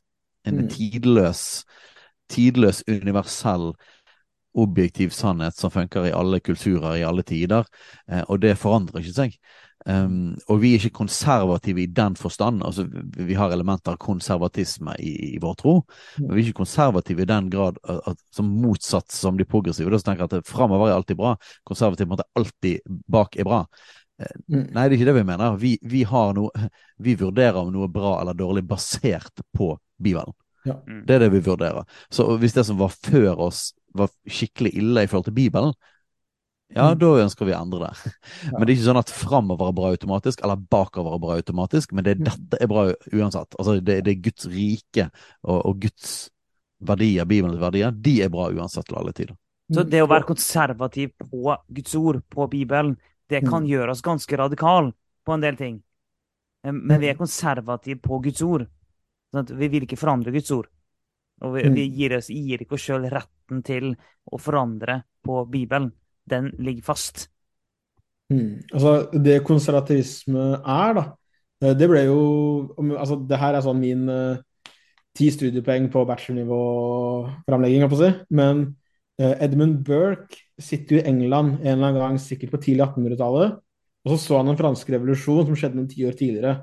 Eh, og den franske revolusjonen var mye verre enn det folk går rundt og tror. Vi tenker på det som frihetskamp. Mm. Eh, Men det Mm. var egentlig altså, ren ondskap og et, altså et kaossituasjon som ble o totalt overtatt av Robespierre og en del andre radikale rundt. Der de egentlig bare bestemmer seg for at de skal ødelegge Frankrike, sånn at det gamle Frankrike aldri igjen kan gjenoppstå. Så det, det er at de henretter all adelen alle som eier land. De henretter geistlige, de henretter altså alle de autoritetene som har styrt samfunnet. Uh, og så skal de liksom de skal skrive en, en ny kalender, nye klokkesett. Uh, og til slutt da, så blir han Robespierre Han setter seg selv nesten opp som en sånn Moses, en sånn religiøs figur. Og da bestemmer alle seg for at nei, vet du, nå er det han vi dreper. Og så var alle enige om at det hadde gått for langt, og Robespierre var den siste som ble henretta. Og så skulle jeg til å si at det, ting ble litt mer normalt, men da kom jo liksom Napoleon og masse crazy ting skjedde. Ja. Men poenget er at Edmund Burke ser jo på dette her, og han er jo bare sånn Det her er jo ikke frihetskamp. Det her er jo barbari. Det er massemord. Og det her er Mm. altså det er bestialsk. Liksom Jordan Peterson sier, det er styrt av alle negative menneskelige følelser. Mm. Uh, Så han tenker vi lever i endringstider. Det var store endringstider på denne tida her. Var rett før den industrielle revolusjon og sånne ting, og kapitalisme har kommet opp. Og si ting endrer seg i samfunnet. Eh, Hvordan kan vi lage et system som håndterer samfunnsendring eh, bærekraftig? Og da er det rett og slett at eh, du ser på fortida di, og du ser på framtida di, og så ser du alltid deg selv som en liten del av en stor historie. Og din jobb, det er å liksom ta imot da, det beste fra arven som ligger bak deg, og bringe det inn i framtida, og bruke det til å bygge et litt sterkere fundament for dine barn å bygge på uh, siden. Og ibukt, altså ibakt i det, da, så er det noe antirevolusjonært. eh, fordi uh, du tror ikke at du kan lage en utopi, at du kan fikse verden, sånn som man liksom gjorde modernismen. Du tror at du kan gjøre verden litt bedre. Så din jobb, det er ikke å kullkaste alt og begynne på nytt og lage den perfekt. Du skal gjøre det du står i, litt bedre. Eh, og hvis man tenker sånn over mange tusen år, da blir samfunnet gradvis bedre. Men eh, det er jo altså Alle de verste tingene i vestlig historie har kommet ut av revolusjonære bevegelser. I hvert fall i de siste par hundre åra. Eh, så liksom Konservativisme handler ikke om å være gammeldags. Det handler om å tørre å tenke sakte, gradvis politikk som er fornuftig, og ikke revolusjonær. Ja, og, og, og på den måten skal man si at konservatismen er jo da mye mer kompatibel med kristen tro enn Mm. eh, si revolusjonære ideologier. Um, og, og, men samtidig så er det viktig å påpeke at vi til og med gradvis endring er ikke på en måte Altså, i konservatismen sier lite om universelle verdier. Eh, Det er på en måte en, en, en, en, en, en, en, en en, en si, Det har elementer av sant, verdi, verdi for institusjonene, verdi for familien. Um, men som en ideologi så handler det Det bare en god strategi da, for samfunnsforvandling. Ja, for, er en stabilitet. Ja, ja, en tenkemåte, en, en, eh, en strategi for en god, positiv samfunns på en måte, måte å gå fremover med samfunnet. Da. Eh, men som en kristen så må vi jo uansett på en måte ankre våre synspunkter i noe som er tidløst og universelt. Ja. Eh, liksom helt, helt uavhengig av For man merker jo det at, at til og med konservative i Norge i dag, for eksempel, Mm. eh, kan ha hele den måten å tenke på, som Mm. jeg mener er positiv, men samtidig, hvis de ikke er forankret i et kristent verdisyn, så vil de på en måte kunne akseptere likevel eh, mange ting som går på tvers av Guds ord. Så lenge det har skjedd liksom gradvis, så det på en måte ikke fører til total ned, nedrivning.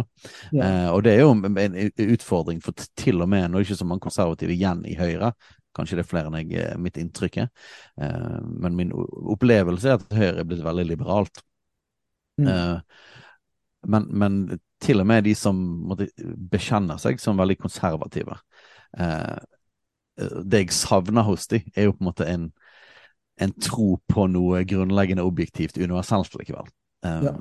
Ting er ikke greit bare fordi altså Som kristne kan ikke si at noe er greit bare fordi at det har vart i 100 år. Mm. Um, hvis det var feil for 100 år siden, så er det fortsatt feil nå, på en måte. Mm. Um, og spesielt når det gjelder endringer av samfunnsnormer og sånne ting, så vil jo en del konservative si det at vi kan, vi kan godt endre ting. For eksempel så kan man gjerne akseptere for eksempel transsaken kan man akseptere så lenge det går sakte, men sikkert. Eh, og det ikke måtte knuser alt. Men vi vil jo måtte si som kristne at det er uakseptabelt uansett. Altså det blir det, det er en dekonstruksjon av noe som er guddommelig konstruert. Som Det hjelper på en måte ikke uansett, uansett hvor fornuftig og sakte du gjør det. Eh, ikke blir Sakte nazisme er fremdeles uh, uakseptabelt i et kristent uh, Ja, ja, ja. Ja, sant? Eh, så, så, så jeg er veldig positiv til konservatismen. Jeg syns, jeg syns at det altså, er utrolig viktige tanker. Edmund Burke var utrolig viktig, sant? i kontrast til den franske revolusjon. Men jeg vil bare si at den òg er utilstrekkelig for en kristen. Eller konservatismen er utilstrekkelig eh, for en som vil, vil tro på objektive kristne verdier. Ja, Enig. Så altså, hvis det er som vi sier at konservativisme er uh, en strategi og en tenkemåte, eh, så har du fremdeles ikke svart på liksom, en strategi for hva, altså hva fyller du den med. Eh, er du en konservativ muslim, en konservativ islamist? Er du en konservativ kristen? Eller er du en eh, konservativ eh, et eller annet Altså, Kina har en lang konservativ historie. Eh, er du en konservativ konfutsianer? Nei, vi er ikke det. Vi er konservative kristne. Så Ja. det, det handler ikke bare om å liksom være sirumpa gammeldags, det er ikke konservativisme.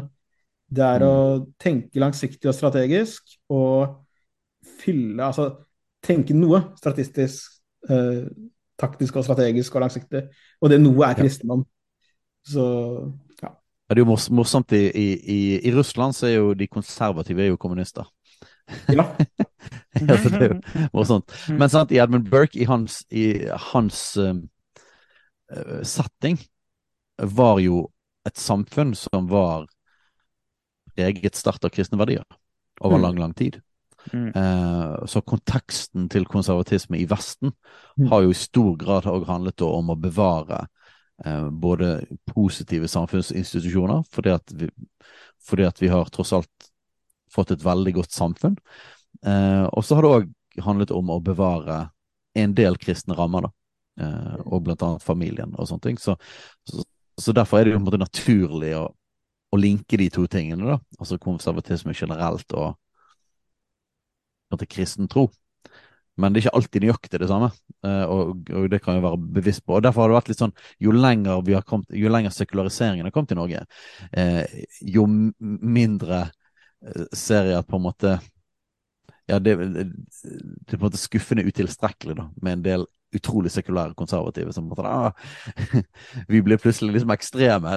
Ting har flyttet seg da, pga. den progressive tankegangen som gjør det at vi, vi er plutselig blitt sånn ekstremkonservative. plutselig. Ja, og der har ikke jeg kommet litt i den posisjonen hvor jeg tenker at liksom Hvis folk Altså, om noen ting da må bare sies, hvis du skjønner. Noen ting må faktisk fremmes som en sannhet. F.eks. det her med skjønn. Uh, om det gjør at du blir kalt en hatefull transfob, uh, så er det liksom Jeg har ikke ansvar, i hvert fall ikke fullt og helt, for hvordan andre mennesker ser på meg, og hvilke fordommer de har om meg. Altså, jeg må faktisk tørre å si liksom Sånn her tror jeg faktisk at det er. Uh, man spør ikke om lov til å ha sine politiske meninger i et demokrati. Altså, du fremmer det, og det at du fremmer de og reageres på og diskuteres, det er en naturlig del av det. Uh, og det er sånn man kommer fram til god politikk, da. Så jeg tenker at uh, når vi opplever at våre egne synspunkter blir definert som hatefulle, f.eks., uh, så må vi bare Kanskje må vi bare innse at det er ikke vår jobb å Det er ikke vår jobb å på en måte tolke oss det er vår jobb å si sannheten, og så er det andre mennesker som må forholde seg til det. Uh, et eksempel på dette her, da. Jeg skrev jo to kronikker til Subjekt der jeg kritiserte pride-ideologi i ukene før uh, skytingen eh, på den derre puben, London pub, eller hva det var.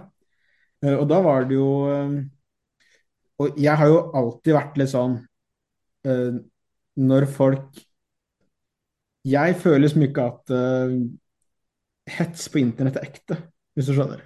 Det er bare oppvokst i den der tida der internett var bare en sånn Det som er på internett, fins ikke, hvis du skjønner. Det er bare en eller annen idiot bak en tastatur. Uh, men etter den skytinga, da, så var det jo dagen etter eller noe, så var det en, en Twitter-post som ble delt en del ganger. Og det var jo liksom kritiserte, da. Meg, Danby Choi, Asbjørn Kvalbein, Jenny Klinge og en person til. Og sa at liksom Eh, vi hadde legitimert da, vold, og at drapsmannen faktisk kunne uh, skyte folk fordi uh, På grunn av folk som oss, så tror han at mennesker kommer til å tilgi ham for at han skyter folk. Uh, og Det er liksom sånn, det er så mange ting som kunne kommentert med det, da, men altså, det er faktisk der at hvis du skriver du to kronikker der du forteller ærlig hva, der du definerer ideologien som ligger bak Pride og Foreningen Fri, uh, så mener folk at du er medskyldig i drap, liksom. Uh, det er noen gærninger på Twitter som gjør det. Kan ikke hindre det, liksom. Men uh, sånne ting som det burde få kristne til å reflektere litt over. da. hva er jeg villig til å stå for? Tør jeg å bli populær? Tør jeg at folk som møter meg, antar at jeg er hatefull? Og en siste lille ting som jeg vil si der, det er at skal du uh, Hvis ikke du Veldig mange mennesker snakker ikke om tro fordi at de ikke ønsker å på en måte fornærme noen. Men det blir egentlig bare en dobbel fornærmelse fordi, eh, mot mennesker. Da, fordi at de tror allerede at du er en homofob, fæl kristen. Og når ikke de ser noe annet, når ikke de ser noen kjærlighet i evangeliet som driver deg til å møte andre mennesker eh, gjennom Jesus sine øyne, så får de også bekrefta for seg selv at du egentlig ikke tror på dette. Altså, det er ikke uh, Du er egentlig bare hatefull fordi du tror ikke på Bibelen så mye at det definerer livet ditt. Du tror på det bare, bare på det nok til at du kan hate homofile. That's it. Uh, så det er liksom en sånn uh, Den eneste veien på kristne inn i relevans og ut av det å bli misforstått, det er å faktisk si hva vi faktisk mener, og så mm. tørre å stå for det. Mm. Eh, det er uh, slutten på min lange monolog på dette punktet. Jo, men det, det kan godt være at vi snart skal, skal lande episoden rundt der et sted òg. Men eh, det, jeg har nevnt det flere ganger i episoden her, det med altså, det at vi må kunne tørre å fortelle en historie. Og vi, og vi kan ha stor frimodighet på det vi tror på. Mm. Og hvis det går gjennom den vestlige verden Ikke bare den vestlige verden, for så vidt, men hvis vi tar det akkurat nå um, altså, okay, du, kan, du, kan, se på menneskerettighetene, f.eks. Hvor, hva kom menneskerettigheter ut av? Jo, hvis du begynner å se på det, så ser du menneskerettigheter er en direkte konsekvens av kristendom. Mm. Det er ikke bare en ting jeg sier. Altså, han godeste um, Harari han, Ja. han også er jo kjempetydelig på det. Menneskerettigheter, det er eh, Jeg husker ikke nøyaktig ordet hva han sa, men det, er- det er en kristen konstruksjon, da. Um, han er altså, ikke kristen. Han er Han- sånn eh, turbo et eller annet, han. Han- han er definitivt ikke kristen. Han, han, er, han er ikke noe positivt innstilt til kristendom sånn, sånn sett. Men han, eh, han, han er veldig tydelig på det. Um, menneskerettigheter er kristent. Det kommer ut av eh, kristendommen, den kristne måten å se verden på, mennesket på. Og så kan du tenke eh, vår forståelse av rett og galt. Hele vårt rettsvesen. Mye av det er jo en direkte konsekvens av kristendommen. Vårt menneskesyn. Hvorfor er det galt å drepe? Hvorfor er det galt å ha slaver? Hvorfor er det galt å slå noen? Hvorfor er det altså, Mye sånn her. Det er en direkte, ikke, er direkte konsekvens av kristendom. Så det er så mye som vi ikke tenker på. Um, og der, um, det her bildet med at eh, spør du en fisk uh, om hva er vann, så kan ikke fisken svare på det. Fisken kan ikke peile på hva vann er, den bare svømmer rundt i det. Uh, og det vil også funke på uh, det livet vi lever i Vesten. Men at vi, vi forstår ikke hvordan vi svømmer rundt i, eh, et, et kristen, eh, i en kristen kulturarv. Så egentlig så kan vi kristne med stor frimodighet fortelle historien om hvordan verden henger sammen. For at hele vår verden er jo bygd på den historien. Og den gir kun mening. Altså, hvis, du prøver, hvis du prøver å spørre folk da, om å liksom forklare hvorfor du tror på den historien uten kristendom som fundament, og ikke liksom stjele det kristne verdensbildet, Mm. så kan du ikke begrunne noe av disse tingene. Nei, Det nei. jo Og, og det er sånn, spørsmålet er sånn Ja, men eh, OK, definere rett og galt for meg. Og så Mm. skal folk prøve å definere hvorfor jeg mener noen ting er rett, hvorfor jeg mener noen ting er galt. Det er veldig vanskelig å gjøre Det det uten at du begynner å trekke på kristne verdier og kristen tankesett. Du sliter Mm. skikkelig med å definere rett og galt hvis ikke du skal begynne å trekke på den kristne kulturarven. Men det er derfor det revolusjonære da, eh, gjør så mye fælt. Det er fordi at man kutter av fortida, per definisjon. Det revolusjonære er at fortida er borte, og fra nå av, punkt null, så skal vi bygge noe nytt nå. Eh, og da kutter du av deg historien, bakgrunnen og begrunnelsen for altså alle verdier, egentlig. Eh, og da blir den ene høyeste verdien som blir igjen, det er det ene utopiske målet du har satt deg. Og du har liksom frakobla deg alle historiske, moralske rammer, da.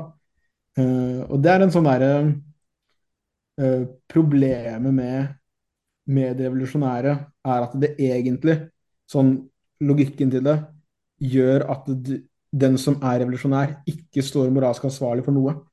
Fordi moralen har ikke lenger enn et fundament. Så den blir jo subjektiv, sant? Det er jo, og Var det pave Benedikt jeg, jeg, lurer på om det var han som sa det. Eh, altså, han snakka om det her med hva han sa, relativismens diktatur, eller noe sånt. Ja. Eh, men eh, sånn, der, er- moralen blir sub, subjektiv. Det er, Mm. Og vi sjøl definerer virkeligheten. Nå er vi langt inn i postmodernismen med en gang òg, men vi sjøl definerer virkeligheten. Og det er sånn som jeg erfarer virkeligheten. Sånn er det sånn det, ting henger sammen. Og sannheten er det jeg føler at den er. Og, og Mm. veldig mange vil jo er sånn, Jeg skal prøve å definere hva som er rett og galt. Men jeg føler at det er galt. Det bare må være galt, for jeg føler det langt inni meg at det her er galt. Og da vil en Mm. kristen kunne si grunnen til at du føler det, det er fordi at du er helt gjennomsyra av kristen tankegang. Du bare skjønner det ikke. Det er derfor du føler så sterkt at, uh, at det her er galt. Du klarer ikke å begrunne det, du bare føler det kjempesterkt. Det er fordi at du, du, du har vokst opp i en kristen kulturkontekst. Du ligger 2000 år dypt i det. Ja, også, og, og hvis man vil prøve å begrunne det mer sånn objektivt, så er det jo det eneste på en måte folk klarer å på en måte klamre seg til, det blir på en måte FN og ja. menneskerettighetskonvensjonen og sånne ting. Så det er for å få et eller annet liksom, skriftlig, et eller annet håndfast, da. Men Ja. så er jo det gjerne bare FN si sier det! FN sier det! Og det begrunnelse da, på to punkter, det her husker jeg var en veldig sånn svær greie for meg når jeg først studerte dette her på UiA. da. Altså, Menneskerettighetene er begrunna på to punkter. altså De er universelle, altså de er gjeldende for alle kulturer. Men det er det jo ikke. altså De kommer ikke fra alle kulturer. Det er ikke Nei. alle kulturer som mener at Som anerkjenner det, nei. Mm. og, og, og det, det, er bare sånn, det er en sånn der åpenbar altså, Det er en tull som bare er så åpenbart at det er sånn Altså Det her er jo bare noen Det her med trosfrihet, da. Altså, sånn, sikkert to, to tredjedeler av verden har ikke trosfrihet. Det er ikke noe universell menneskerettighet folk har. Åpenbart er det jo ikke det. Eh, Men da må du jo begrunne det i noe dypere under det igjen. sant? Og det kan jo Ja. vi. Vi sier at ja, men det er universelt fordi at Gud, har, Gud Mm. sant, og mennesket er verdet, og det kommer fra Gud. Men har du ikke det under, så har du ingen Du, har, du bare, ja. bare luft under det, så du kan ikke begrunne det. Så Eh, Menneskerettighetene er jo bare et resultat av at masse vestlige folk dominerte alle disse institusjonene i veldig mange tiår. Og alle andre land som ikke var vestlige, visste at vi trenger penger. Og måten vi får penger på, det er å samarbeide med Vesten. Eh, så de bare sier liksom ja, det her er kjempebra, liksom. Uh, vi må følge menneskerettighetene for å, at dere skal investere i oss, og ikke liksom USA skal komme og bombe statslederen vår, som det har gjort et par ganger. Uh, Da følger vi menneskerettighetene. Vi selvfølgelig mener dette her. Her er det full trosfrihet. Og så skriver de med små, liten skrift men det er ikke lov å konvertere fra islam. Og det er liksom sånn nære Det er så utrolig åpenbart når man tenker litt på det, at det her er bare Altså, menneskerettighetene er oppfunnet av folk fra Vesten som har glemt at de er kristne. De bare går ikke i kirka. øh, og de har ikke lyst til å tro på Gud. Men hele verdensbildet og hele moralen er et kristent verdensbilde og en kristen moral. Øh, og så, mens Vesten har vært så dominerende i verdenspolitikken, da har verden jappa med. Men nå er ikke Vesten så dominerende lenger. Og nå jatter ikke bare Russland med, og Iran med, og Kina med. Nå begynner de å liksom rulle opp ermene sine og sette i hvert fall statslederne da, eh, handle etter hva de faktisk tror, og hva de faktisk mener.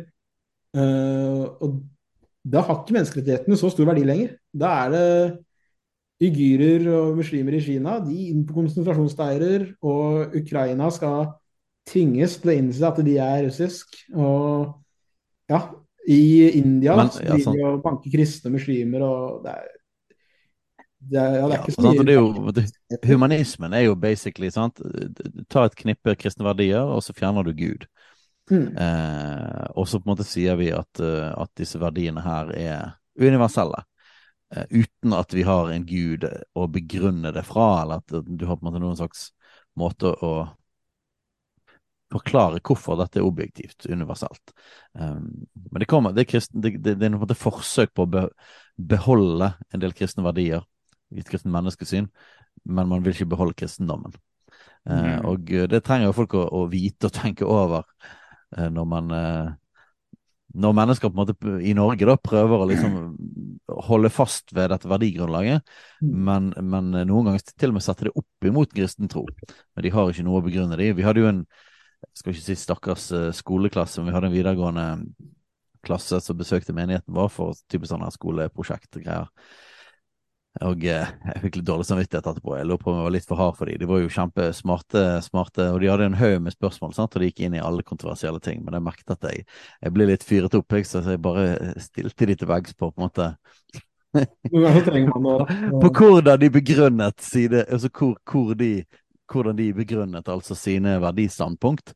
Um, og eh, og, eh, og liksom de hadde en del spørsmål rundt liksom sånn her at vi eh, liksom ja, vi var en veldig isolert gjeng liksom som trodde på disse tingene, og, og hvis liksom våre barn ikke trodde på det, ville de ble ekskludert og blå. Altså, de hadde tydeligvis et sånt bilde av at vi, vi levde i en veldig sånn isolert sekterisk tilstand. Mm. Eh, og liksom hjernevask-type ting og sånn som det. da. Så jeg pushet det eh, ganske mye på pushet det ganske mye på at vi er jo en minoritet eh, i, i, i kulturen vår. Så vi, vi, så vi blir jo presset på disse tingene fra alle kanter. Fra media, fra naboer, fra kolleger eh, osv. osv. Mm. Eh, men dere derimot tror jo bare det resten av samfunnet tror på. Har du noen gang tenkt på hvorfor du tror det? Så spørsmålet er jo hvem som er blitt hjernevasket her, egentlig.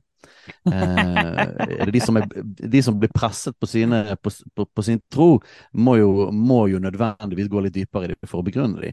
Mm. Eh, men hvis du bare tror det man tror, og liksom for ti år siden trodde man noe annet i samfunnet, og før det igjen trodde man noe annet, eh, og du aldri har tenkt over det, det er vel kanskje definisjonen av hjernevask. Mm. Ja. Eh, men eh, stakkars elevene. Men det var bare et eksempel på, på, på at uh, nok en gang noe som vi er veldig opptatt av, at vi kristne skal bli frimodige på å stå for det vi står på. Uh, og at, uh, at å fortelle en bedre historie, og, og, og å kunne avsløre litt, da, hvor hult eh, veldig mye av det man er veldig høyrøstet og aggressiv på i samfunnet, så er det likevel en sånn hul ting, for at man har ikke en god man har ikke et godt fundament for å på en måte argumentere for egentlig progressivisme, eller for for å være ekstremt aggressiv på liksom disse tingene skal vi mene nå, men, men, Mm. men man Ja, kan altså, for- begrunne hvor man har de verdiene fra. Ja, det er litt sånn, øh, Vi kan ha stor frimodighet for at folk vil egentlig ha kristne verdier, men de vil ikke ha, de vil ikke ha den kristne kongen. Og Det er jo, Ja. det, det er jo den øh, Jeg syns det er utrolig bra sagt. Noen, noen, andre som har sagt det, men at folk vil ha the kingdom without the king. Mm. Så de vil ha Guds rike, de vil ha kristne verdier. De vil ha det, det som For den gode verden de lever i, jo, eh, har det kommet ut mye av de kristne verdiene. Så det vil de ha. De vil ikke ha kongen. De vil ikke ha han over seg. De vil ikke underordne seg han. Det vil de ikke ha, men de vil ha kongeriket uten kongen. Mm. Jeg tenkte på det i stad, at eh, liksom alle som digger menneskerettighetene, hadde funnet veldig mye bra i kristendommen som de er enig med. Problemet med kristendommen er at den krever at du anerkjenner at du ikke er verdens sentrum, men at Mm. du faktisk står under Gud Ja. og å deg under Han. Ja. Uh, og Ja. det er jo altså sånn Ikke bare er det noe vi ikke liker i vår kultur, det er jo det motsatte av det vi blir fortalt av markedskreftene f.eks. i dag, som er liksom Alt handler om at du skal gjøre det du vil, og oppfylle dine behov, som selvfølgelig har blitt produsert i oss gjennom reklame og sånne ting. Så liksom, uh, og, og, og staten, i hvert fall nå, da, så legitimerer så veldig mye ideologi gjennom liksom menneskets frihet, uten at man egentlig har gått dypere inn i frihet til hva, fra hva, for hva. Uh, så det er jo Igjen da, så blir vi liksom dytta fra begge sider, på en måte, uh, på at uh, Og vi blir oppdratt til at vi er det selvsagte fokus i verden. Eh, liksom Altså, hvor mange av de her spørsmålene da, som er veldig Som folk står veldig sterkt på i dag, det er jo ikke ting som er begrunna primært rasjonelt, det er begrunna emosjonelt i veldig stor grad. Altså, tenk hvor fryktelig Mm. det er å vokse opp som en transperson og ikke føle deg hjemme i din egen kropp. Tenk hvordan det mennesket føler seg. Derfor skal vi dekonstruere skjønn. Og så har man ikke gått til en sånn Hva skjer med et samfunn der skjønn dekonstrueres? Eller eh, viser forskningen at bla, bla, bla, bla, bla. Uh, hvor mange feiloperasjoner kommer til å skje her? Bla, bla, bla. Det er det emosjonelle argumentet. Mm. Uh, og det emosjonelle argumentet det er bygd på at uh, den eneste store moralske verdien, det er enkeltmennesket i sentrum, og hvordan det opplever verden. Og det er Mm. ekstremt postmoderne. Uh, og det er jo der hvor kristendommen er motstridende, og sier at mm, den ene moralske verdien er faktisk hva Gud har å si. Mm. Og vi må underordne oss under det. Og det er jo et Altså, det er et øh, Det er et like stort brudd med dagens samfunnstankegang som det ville vært på Jesus sin tid å liksom bøye seg for Jesus og ikke for keiseren. Kanskje ikke like stort, men vi beveger oss i den retningen. Ja, Eh, det er litt sånn Kristne har, eh, kristne har eh, Jesus i sentrum, humanisme har mennesket i sentrum, postmodernismen har på en måte selve i sentrum, egne opplevelser og erfaringer. Så det handler jo mye om bare sånn, hva er det som er i sentrum, og det er det som er i sentrum som er det definerende. Hva er det som har måte, gudplassen i livet ditt? Og det, det går an å snakke om eh, verdihierarki. mm, Hva, uh, hva er det du gir mest verdi i livet ditt? Det du Mm. gir mest verdi, det har Gud plassen i ditt liv. Det er Gud i ditt liv, om det er Gud eller om det er noe annet. Men det som er øverst i ditt verdihierarki, det er Gud i ditt liv. Det altså, det, det er sånn det funker. Det som du gir mest verdi, det, det, det er det du tilber, per definisjon. Du tilber det, du legger deg under det. Og det, om det er din erfaring, om det er andre mennesker, om det er andre guder, eller hva enn det er for noe, så er det det som er Gud i ditt liv. Det, eller avgud, da, for å si det på den måten. mm, Uh, og for oss kristne så er det veldig tydelig Jesus er på Gudplassen i vårt liv. Han er øverst i vårt verdihierarki, og det definerer alt som skjer under. Det definerer alle ting hele veien nedover. Det som er øverst i verdihierarkiet. Så hvis det er noe annet enn Jesus, så er det det som får lov til å definere alt som kommer under.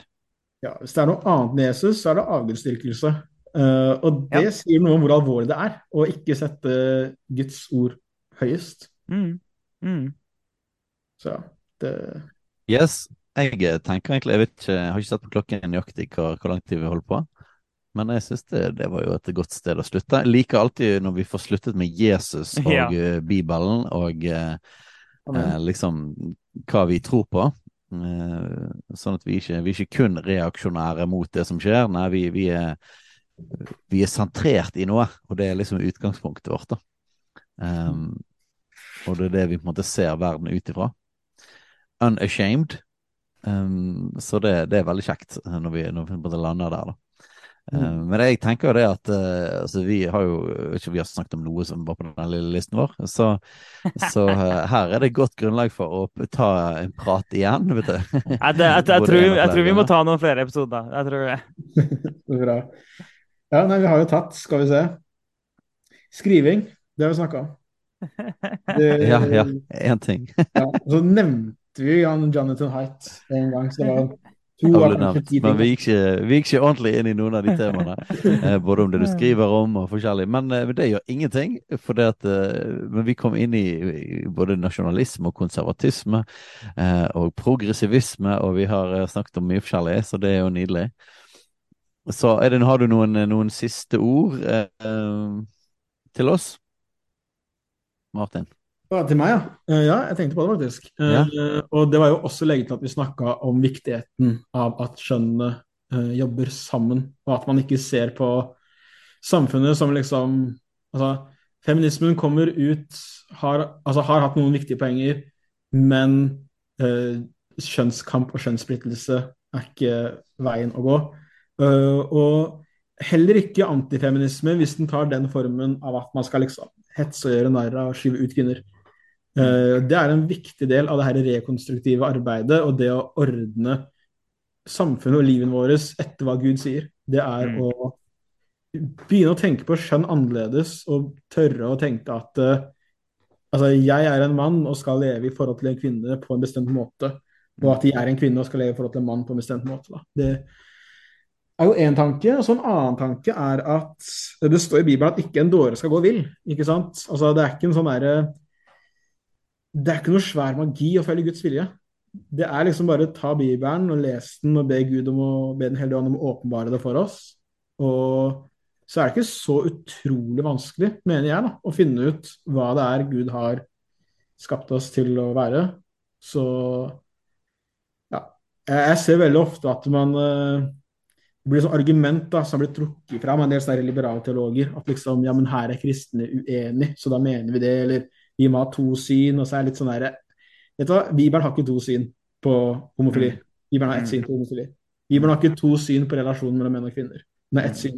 Uh, så les Bibelen. Har du spørsmål, spør Gud, så er det ikke så sjukt vanskelig å finne ut av hvordan vi skal leve og hva vi skal gjøre. Jepp. Det var et, et eh, godt eh, luthersk sted å lande det allmenne prestedømmet, og at vi alle kan lese Bibelen yeah. og forstå Bibelen ved Den hellige ånds hjelp. Uh, og det tror vi på. Eller så vi si ja. protestantisk, da, for å utvide det uh, ja. enda litt mer. Men vi tror på det. det, at, det at, at, at, Bibelen er simpel nok til at, uh, til at vi sammen med Gud, et mm. overgitt hjerte og med Den hellige ånd, så kan faktisk Bibelen lære oss. Mm. Det står at Gud skjuler ikke det han gjør. Og som sagt, det dårlige skal ikke gå ild, det skal ikke gå vill, og barn skal forstå det. Så det er eh, Det er lagd for fjols som oss. Mm. Ja, men det er et godt sted å avslutte. Det er det. Nydelig. Veldig hyggelig å prate med dere. Og kunne ha prata i fire timer til, i hvert fall. Ja, vi, vi, yes, ja, vi, vi, får prøve oss på fire timer etter hvert. ja. ja, men det, det hadde vært gøy, det. Hvis dere skal ta en sånn derre eh, hvis vi skal ta sånn maraton noen gang, noen Kulturkampen maraton, eh, ja. litt sånn der eh, pengeinnsamling eller noe, bare si ifra. Så Da er du med. da er du med. Det, hadde, det, det, klart. Ja, det, det kunne vært kult. Kanskje vi, vi er litt sånn, vi liker jo litt sånn Vi tok jo en julekalender, så da var det jo hver dag i 20, 24 dager, så, så, vi liker jo litt sånn ekstreme prosjekt. Nei. Men uh, vi kunne jo tatt en sånn spontan idé her, da. Vi kunne, hvis vi hadde tatt sånn 24 timer eller et eller annet i strekk, så kunne man liksom invitert ja. nye gjester inn etter hvert, liksom. Så kunne de vært med liksom, et par timer og, og, og vært så lenge de orket. da, Og så kunne du bare holdt på, holdt på, holdt på. Vi kunne prøvd oss på en 24-timers episode. ja, det hadde vært gøy. Men jeg tror uh, Wolfgang Wie gjorde, gjorde, noe sånt som det. Jeg tror han hadde en 24-timers episode. Ja, okay, okay. Kan ikke være dårligere enn han, da. Så, nei, nei. nei. Så uh, god idé, uh, altså. men Martin, vi kommer til å snakkes igjen. Ja, det gjør vi. Koselig. Kjekt å prate sammen. Yes. Nei, men eh, før vi forsvinner inn i nye visjoner og ideer, så sier jeg bare takk for i dag, og vi høres igjen eh, neste uke. Tusen takk.